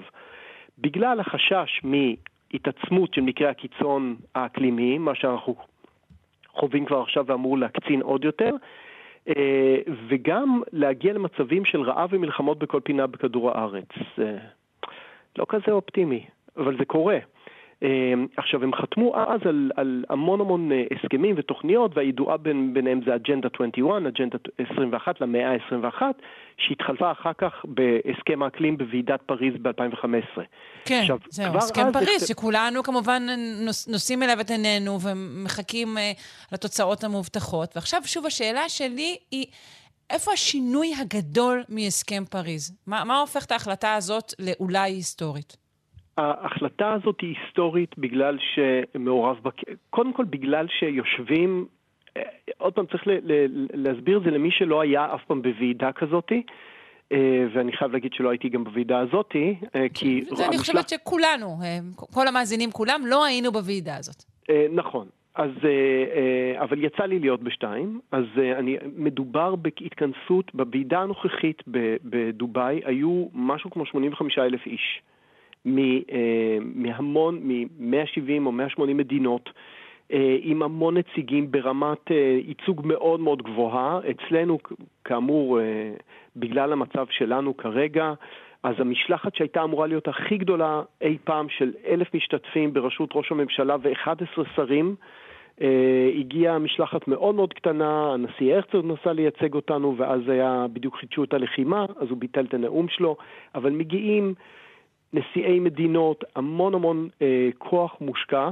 ובכלל להגיע לאיזושהי הסכמה זה מאוד מאוד מסובך, אנחנו לא מצליחים להגיע להסכמים עם השכנים שלנו, אז פה, פה מדובר... כלומר, הדבר הראשון שאנחנו אומרים שמשמעותי פה זה עצם זה שוועידה כל כך גדולה הצליחה להוציא הסכמה כלשהי.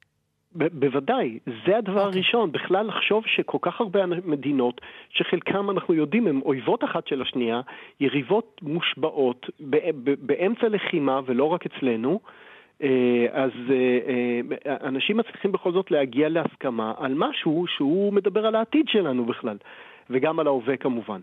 אז, אז מה, ש, מה שהיה החשש, ו, ו, ודווקא כן קרה, זה שמדינות, המדינות שמייצרות, היצרניות הגדולות וה, והמדינות הגדולות שמייצרות דלקים פוסיליים, ינסו לחסל הסכמות מהעבר. כאילו להוריד את הסיפור של, ה, של הדלקים הפוסיליים. לבוא mm, ולהגיד, אה, זה בעצם אוקיי. לא כל כך, כן, דלקים מאובנים, דלקים פוסיליים, mm-hmm. ובייחוד בגלל שהוועידה התארחה בדובאי, באיחוד האמירויות, ש, אה, והכוח שלהם הם המארחים, והמארחים האלה שקובעים בעצם את האג'נדה לוועידה הספציפית הזאת, והם יצרני אוקיי. אוקיי. דלקים מאובנים אדירים. והיה חשש מאוד מאוד גדול שהם יבטלו את ה phase-out, את, את, את ההורדה, את היציאה מהדלקים הפוסיליים, וינסו לדחוק את זה לפתרונות אחרים, ולכן ההחלטה הזאת היא דווקא מאוד מאוד משמעותית. אמ, אוקיי, אוקיי, אה, ומי שדחק לה, זה, זה דחק אותם לכיוון הזה, זה ארצות הברית, אנגליה, אוסטרליה, נכון? המדינות אה, האנגלוסקסיות, אפשר להגיד? כל המדינות הגדולות וכל המדינות שכבר אה, נפגעות היום, ובעצם כבר נדרשות לפצות. הרעיון הזה של phase-out, של יציאה מה, מהדלקים המאובנים, יש לו גם עניין של אה, אה, פיצוי, של מנגנוני פיצוי שבהם המדינות העשירות מפצות את המדינות העניות. אה, יש גם על זה כמובן הרבה מאוד ביקורת, כי זה מאפשר להם להמשיך לחיות את חיים הנוחים והמאוד מאוד מזהמים שלהם. אה, ובעצם לשלם כסף, אה, נגיד להעביר, ארה"ב תעביר לדרום סודאן כסף, כי הם נמצאים במצב מאוד מאוד גרוע, אבל ימשיכו לקרות מהם חומרי גלם ולנצל את, אה, את העושר שלהם. זאת אומרת, גם על, הדבר הזה, על כל דבר תהיה פה, יהיה פה ויכוח וכזה דבר, אבל הצליחו בעצם להגיע לרעיון הזה ולהגיד, תקשיבו, דלקים ובנים זה גרוע. ומי שאמר את זה, אמרו את זה בדיוק במקום שיושבות בו אה, אה, דובאי וסעודיה וכל כלכלות הנפט כן, הגדולות. אה, שוב, שהן כבר כן. במקביל משקיעות גם באפיקים אה, אה, ירוקים שאינם פוסיליים. זאת אומרת, לא הייתי, לא הייתי דואגת, לה... אני בטוחה שההסכמה שלהם הגיעה כבר מאיזשהו ביטחון פיננסי גדול. אה, שיש להם. קודם כל, נכון. סליחה אם אני צינית, ו... אבל, לא, אבל לא, אני יודעת, לא, אתה את... יודע, ככה הדברים, ככה הדברים עובדים.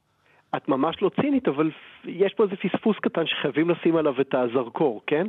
הם דיברו על, על, על, על, על הם התמקדו המון בפחם, אבל פחם כבר, יש לו phase-out בעצמו.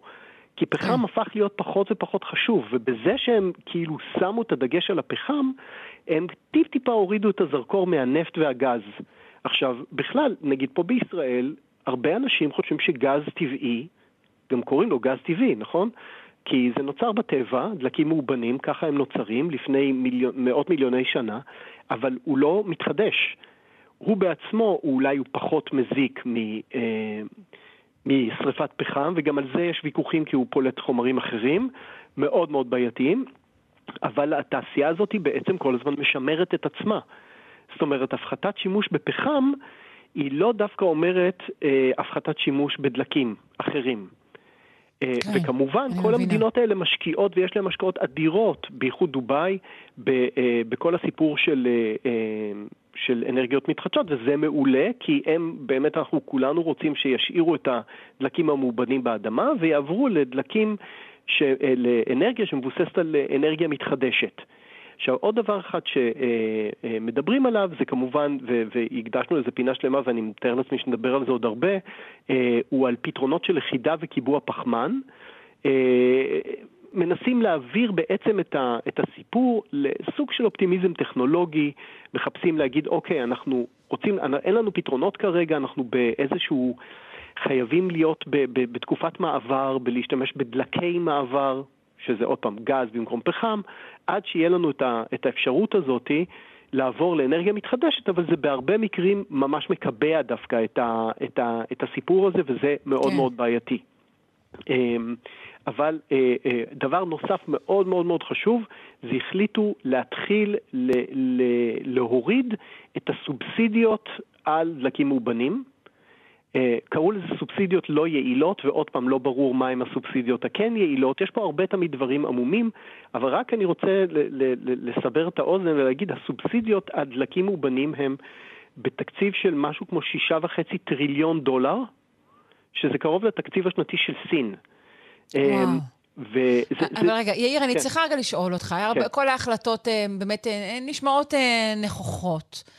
האם יש איזושהי סנקציה שמוטלת על מדינות שלא יפעלו תוך פרק זמן כזה או אחר כדי לממש אה, את ההחלטות? האם יש אה, משהו?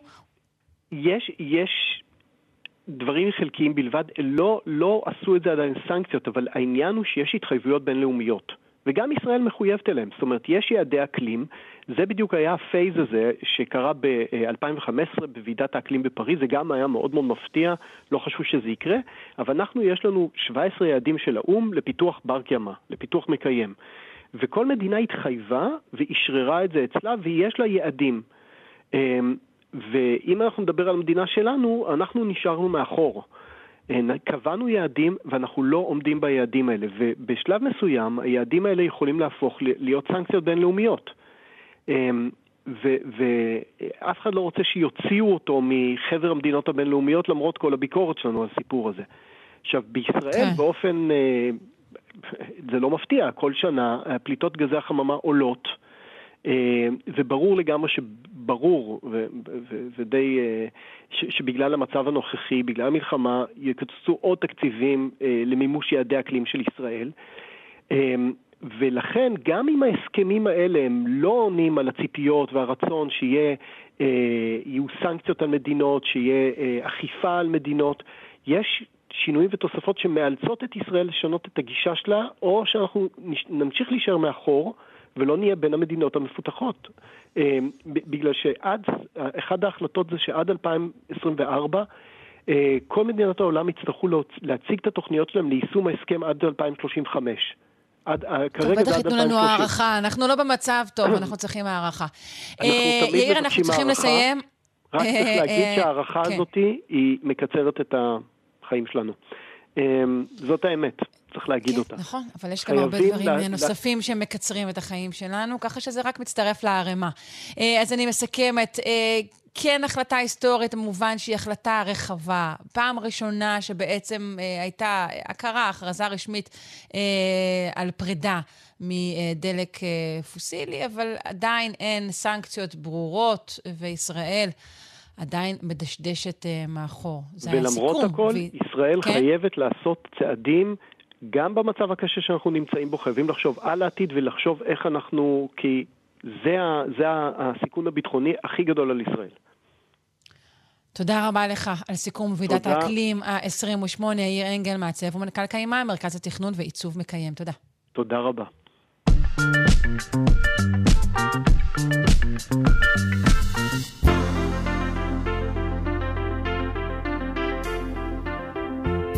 מטוס שממריא עכשיו, מתרחק במרומים. לא, תראו, יצאתם הבוקר לטיסה, אבל מה, שכחתם שהבעל טס אתמול, והוא לא מילא דלק, והופ, הנורה נדלקת במטוס, ואין דלק. אז איך מתדלקים מטוס באוויר? נפנה לניצן סדן, חוקר היסטוריה של התעופה, ובעל טור הקברניט בכלכליסט. שלום. בוקר טוב. אה, בוקר, בוקר. אה, תגיד, למה בעצם יש לתדלק מטוס באוויר? אנחנו לא יכולים אה, לזכור למלא אותו קודם? קודם כל, אנחנו חיים בזמנים מבלבלים, ואנשים עשויים לעשות טעויות. לשמחתנו, זה לא קורה במטוסים שאותם צריך לתדלק באוויר, שהם מטוסים צבאיים. והרעיון של התדלוק הוא בעצם אה, לאפשר להוציא את המקסימום מהמטוסים האלה בשביל המשימות שלהם. ובנוסף, אה, למנוע אסונות ותאונות במקרי חירום. אז רגע, תדלוק אווירי הוא דבר שקורה במטוסי קרב, אך לא במטוסי נוסעים? בגדול. כן, קודם כל נתחיל בזה שתדלוק אווירי זה משהו שקורה רק בתעופה צבאית, כי מדובר בתמרון שהוא בעצם מאוד מאוד רגיש, מאוד מאוד מסוכן וגם מאוד ידני, שזה דבר ראשון. אה, ודבר שני, אה, מטוסי נוסעים, מטוסים אזרחיים לא צריכים את זה, משום שהם כלים הרבה הרבה הרבה יותר יעילים מכל מטוס צבאי. אה, מטוסי קרב, שאנחנו שומעים אותם לפעמים מעלינו בימים אלה, הן לא מכונות יעילות, הן נבנו כדי בעצם לטוס מאוד מהר, אה, להאיץ מאוד מהר, לטוס מאוד גבוה, והם שותים דלק בצורה... בואי נגיד ש-F-16 שמשייט ב-900 קמ"ש בגובה 30 אלף רגל, אם השמיים בהירים עושה משהו כמו 400 מטר לליטר. וזה לא מאוד אוקיי. חסכוני. אני מדמיינת את זה ככה בסקאלה של הריבועים הקטנים של המכוניות, לכמה זה ירוק או לא, ועד האדום. ולכן, לא, אני חושב. שצריכים, אה, אנחנו צריכים בשביל זה צבעים שאין עוד בספקטרום. אה, צבעים של- שלא גילינו, שלא זיהינו ושאנחנו כן, לא מסוגלים בורדו. אש שקיים רק בליבת השמש בערך. משהו כן, כזה. אני מבינה. עכשיו, אוקיי. אה, כדי שהכלים האלה יוכלו לעשות את המשימה שלהם, הם צריכים להיות עם מקסימום דלק בזמן המשימה. כאשר הם ממריאים, עצם ההמראה וההגעה לשיוט ולאזור המטרה שורף אחוז מאוד גדול מהדלק שלהם, וכדי שכלי כזה יוכל לטוס במהירות, כדי לצמצם את זמן השהייה שלו בשטח אויב, לצמצם את הסיכון של החשיפה, ולעשות את כל זה כשהוא מחזיק עליו גם אה, פצצות, הוא צריך אה, בעצם שהמנוע יעבוד, אה, ישרוף יותר. ובשביל זה דואגים שיהיו מטוסי תדלוק שיאכילו אותם זהו, יש מטוסי. תדלוק מיוחדים שהם כמו מין תחנת דלק מעופפת כזו? כן, יש אה, שתי קטגוריות עיקריות של מטוסי תדלוק. הראשונה זה מטוס תדלוק ייעודי, שבדרך כלל נשען על מטוס, אה, גרסה של מטוס נוסעים או מטוס מטען צבאי גדול. אה, והגרסה השנייה זה בעצם משתמשים במטוס קרב שיכול לתדלק מטוס קרב אחר. עכשיו, התדלוקים מתבצעים בשתי צורות מאוד מאוד מעניינות. אה, הראשונה אה, היא בעצם צורה אה, שהיא מאוד מאוד אקטיבית עבור המטוס המת... עבור המתודלק. יש בעצם צינור, צינור גמיש וארוך שבקצה שלו יש סל, ומטוס הקרב פשוט שולף מין סוג של גשוש כזה, מין צינור משלו, שמתחבר פנימה, ננעל, וככה בעצם מזינים אותו בדלק. אבל שניהם כאילו עומדים באוויר כן, בזמן הפעולה? זה לצד זה? אוקיי. אה, כן, הם טסים במהירויות של אה, 400-500 קמ"ש, ועושים בעצם את התדלוק הזה. השיטה השנייה בעצם נשענת על צינור קשיח, שנקרא בום, אה, שהוא בעצם, אה, היתרון שלו זה שהוא יכול אה, להעביר אה, דלק בקצב הרבה יותר גבוה, כך אפשר לתדלק מפציצים גדולים גם וכל מיני, והמטוס המתדלק והמטוס המתודלק, שניהם בעצם אה, כמעט שלא מתמרנים, כמעט רק שומרים בעצם על נתיב בסיסי, ויש בתוך המטוס המתדלק, בתוך המכלית, יש אדם שמפעיל את הצינור, מזיז אותו, ותוקע אותו בתוך אה, שטקר תדלוק בעצם בגב או באף של המטוס המתודלק. כן, אמרת שזה אנושי, אבל עכשיו ממש תיארת איזה, את הבן אדם שמחזיק זהו, את הידית זה. ומתדלק. כל וואו. התהליך הזה, כל התהליך הזה, עם כמה שיש לנו אה, AI וטייס אוטומטי, זאת המצאה שהיא בת אה, הרבה הרבה הרבה מאוד שנים, זה לא משהו שאפשר לעשות אותו אוטומטי, בגלל שהתמרונים, התיקונים שמבצעים אה, הטייסים שמתדלקים, הם מאוד מאוד עדינים, מאוד מאוד קטנים, וגם צריכים להיות לפי תחושה. אם עכשיו, אה, יש אמנם אה, סמנים ופקדים על גבי המתדלק, שעוזרים בעצם להתיישר אליו, אבל מספיק שיש עכשיו איזושהי מערבולת קטנה, או שרצינו לתקן ימינה ותיקנו קצת יותר מדי. זה משהו שחייבים לעשות אותו בצורה מאוד מאוד מאוד מדויקת, ואם זה יהיה אוטומטי, אמנם הדיוק יהיה מוחלט, אבל מספיק שיש טעות אחת קטנה, שורת קוד, דבר אחד פיצי, שלא נבנה באופ- באופן מושלם, ואז בהכרח יש לנו תאונה, ובואי נגיד ש... אה, אה, דלק, אה, דלק סילוני לא מגיב טוב להתנגשויות עם דברים אחרים שמכילים דלק סילוני, אנחנו מנסים להימנע מזה. כן. זאת פעולה שעושים אותה אה, הרבה מאוד שנים, אה, תדלוק אווירי. בעצם 100 שנים בדיוק, נכון? זהו, אנשים לא, לא מודעים לזה, אבל uh, התדלוק האווירי הראשון בוצע ביולי 1923, וזה היה בעצם התדלוק האווירי ה... אה, הראשון שבוצע על מנת לתדלק נטו. עוד לפני כן, אה, בשנות ה-20, היה בארצות הברית טרנד מאוד חזק של פעלולנות אוויר. הם, אה, גם בגלל שהכלכלה הייתה בשקיעה, ואחרי מלחמת העולם הראשונה נשארו המון המון טייסים. זאת המלחמה הראשונה שהשתמשו בה בטייסים, שלא הייתה להם עבודה. אז אה, הם הלכו והתפרנסו מפעלולנות. זאת המדינה הייתה מלאה ו- בטייסים מובטלים. ומשועממים שחיפשו לעשות כל מיני דברים גם כדי להתפרנס וגם כדי לנצל את יכולותיהם? היסטורית, אחרי כל מלחמה גדולה, אה, מגייסים הרבה הרבה אנשי מקצוע. אה, בימינו פשוט ההכשרות הרבה יותר ארוכות, הרבה יותר קשה להכשיר טייס, אבל אה, אחרי שתי מלחמות העולם היה פשוט אה, המון המון המון טייסים פנויים. בכל מקרה, אז מה שהיה עם הפעלולנות, היה שהיה... היו מקרים שבהם קהלים גדולים הלכו לראות אנשים מסכנים את החיים שלהם במטוסים לצורך שעשוע. אף אחד עוד לא המציא את נטפליקס דאז. והיה פעלולן אחד בשם וסלי מיי, שבעצם יצא ממטוס אחד עם מכל דלק ביד, וקפץ מהכנף לכנף של מטוס אחר. וזה היופי וואו. של פעלול לראות. מה שנקרא, ת, תגדיר תדלוק ידני. וואו. בדיוק. ואז מישהו בא ואמר, "אה, אולי כדאי שנעשה את זה במציאות. ואחרי uh, כמה שנים וניסיונות, בעצם uh, בוצע תדלוק, שגם הוא היה אגב ידני בצורה פראית, מטוס אחד שחרר צינור. מטוס השני, uh, זרקו ממנו בעצם uh, חבל עם בלטה. וכאשר הצליחו לכרוך את החבל עם המשקולת סביב הצינור, משכו אותו וככה בוצע התדלוק. וואו, מין אה, לאסו בלטה כזה. רגע, אני רוצה להבין, האם התדלוק האווירי היה המצאה שהיא תולדה של פעלולנות, או שקודם כל נולד הצורך והפיתוח ואז עשו פעלולים כאלה? זה הקטע המשעשע, זה היה קודם כל טריק. זה היה קודם, קודם כל כל טריק, טריק. בקטע, בקטע בידורי, ואז פשוט, עכשיו, אה, בואו נגיד שאנליסטים, האנליסטים הראשונים של התעופה, אמרו שיהיה נפלא אם אפשר היה לתדלק מטוס באוויר, אה, מסיבות די ברורות. אבל הפעם הראשונה שמישהו אשכרה עשה את זה, אה, היה במסגרת פעלול אווירי. וואו. אבל רגע, אני רוצה, אני, אני, אנחנו מדברים שוב בעיקר על מטוס... ה- כן. סליחה, תחזור על המשפט? לא, אמרתי, ואחרי שחזו בפעלול הזה, אז חיל האוויר האמריקאי, או שירות האוויר האמריקאי, עוד לא היה חיל, אה, בא ואמר, טוב, בואו נראה אם אפשר לעשות את זה במציאות. אוקיי, עכשיו אמ, אנחנו מדברים כאמור על מטוסי קרב, אה, כן. ולא על מטוסים, מטוסי נוסעים, וגם לא על ה... אני חושבת, לא על המטוסים ש... אמ, שנוסו באותו פעלול, שבטח לא היו מטוסי קרב. לא, לא. באיזה שטח אווירי זה נעשה? כלומר, המטוס הקרב צריך... זה לא יכול להיות ב- ב- ב- בשמיים האוויריים של האויב, נכון? זהו, יש uh, בעצם תורה שלמה של תכנון uh, משימות תדלוק. אלה משימות מאוד מאוד מורכבות ומאוד ארוכות. Uh, לפעמים המכלית תשהה באוויר הרבה הרבה הרבה זמן, אני מנוע מלהגיד כמה, אבל המון זמן, על מנת שכל, uh, uh, uh, נקרא לזה, הרבה פעמים מתדלק אחד תומך בכמה משימות.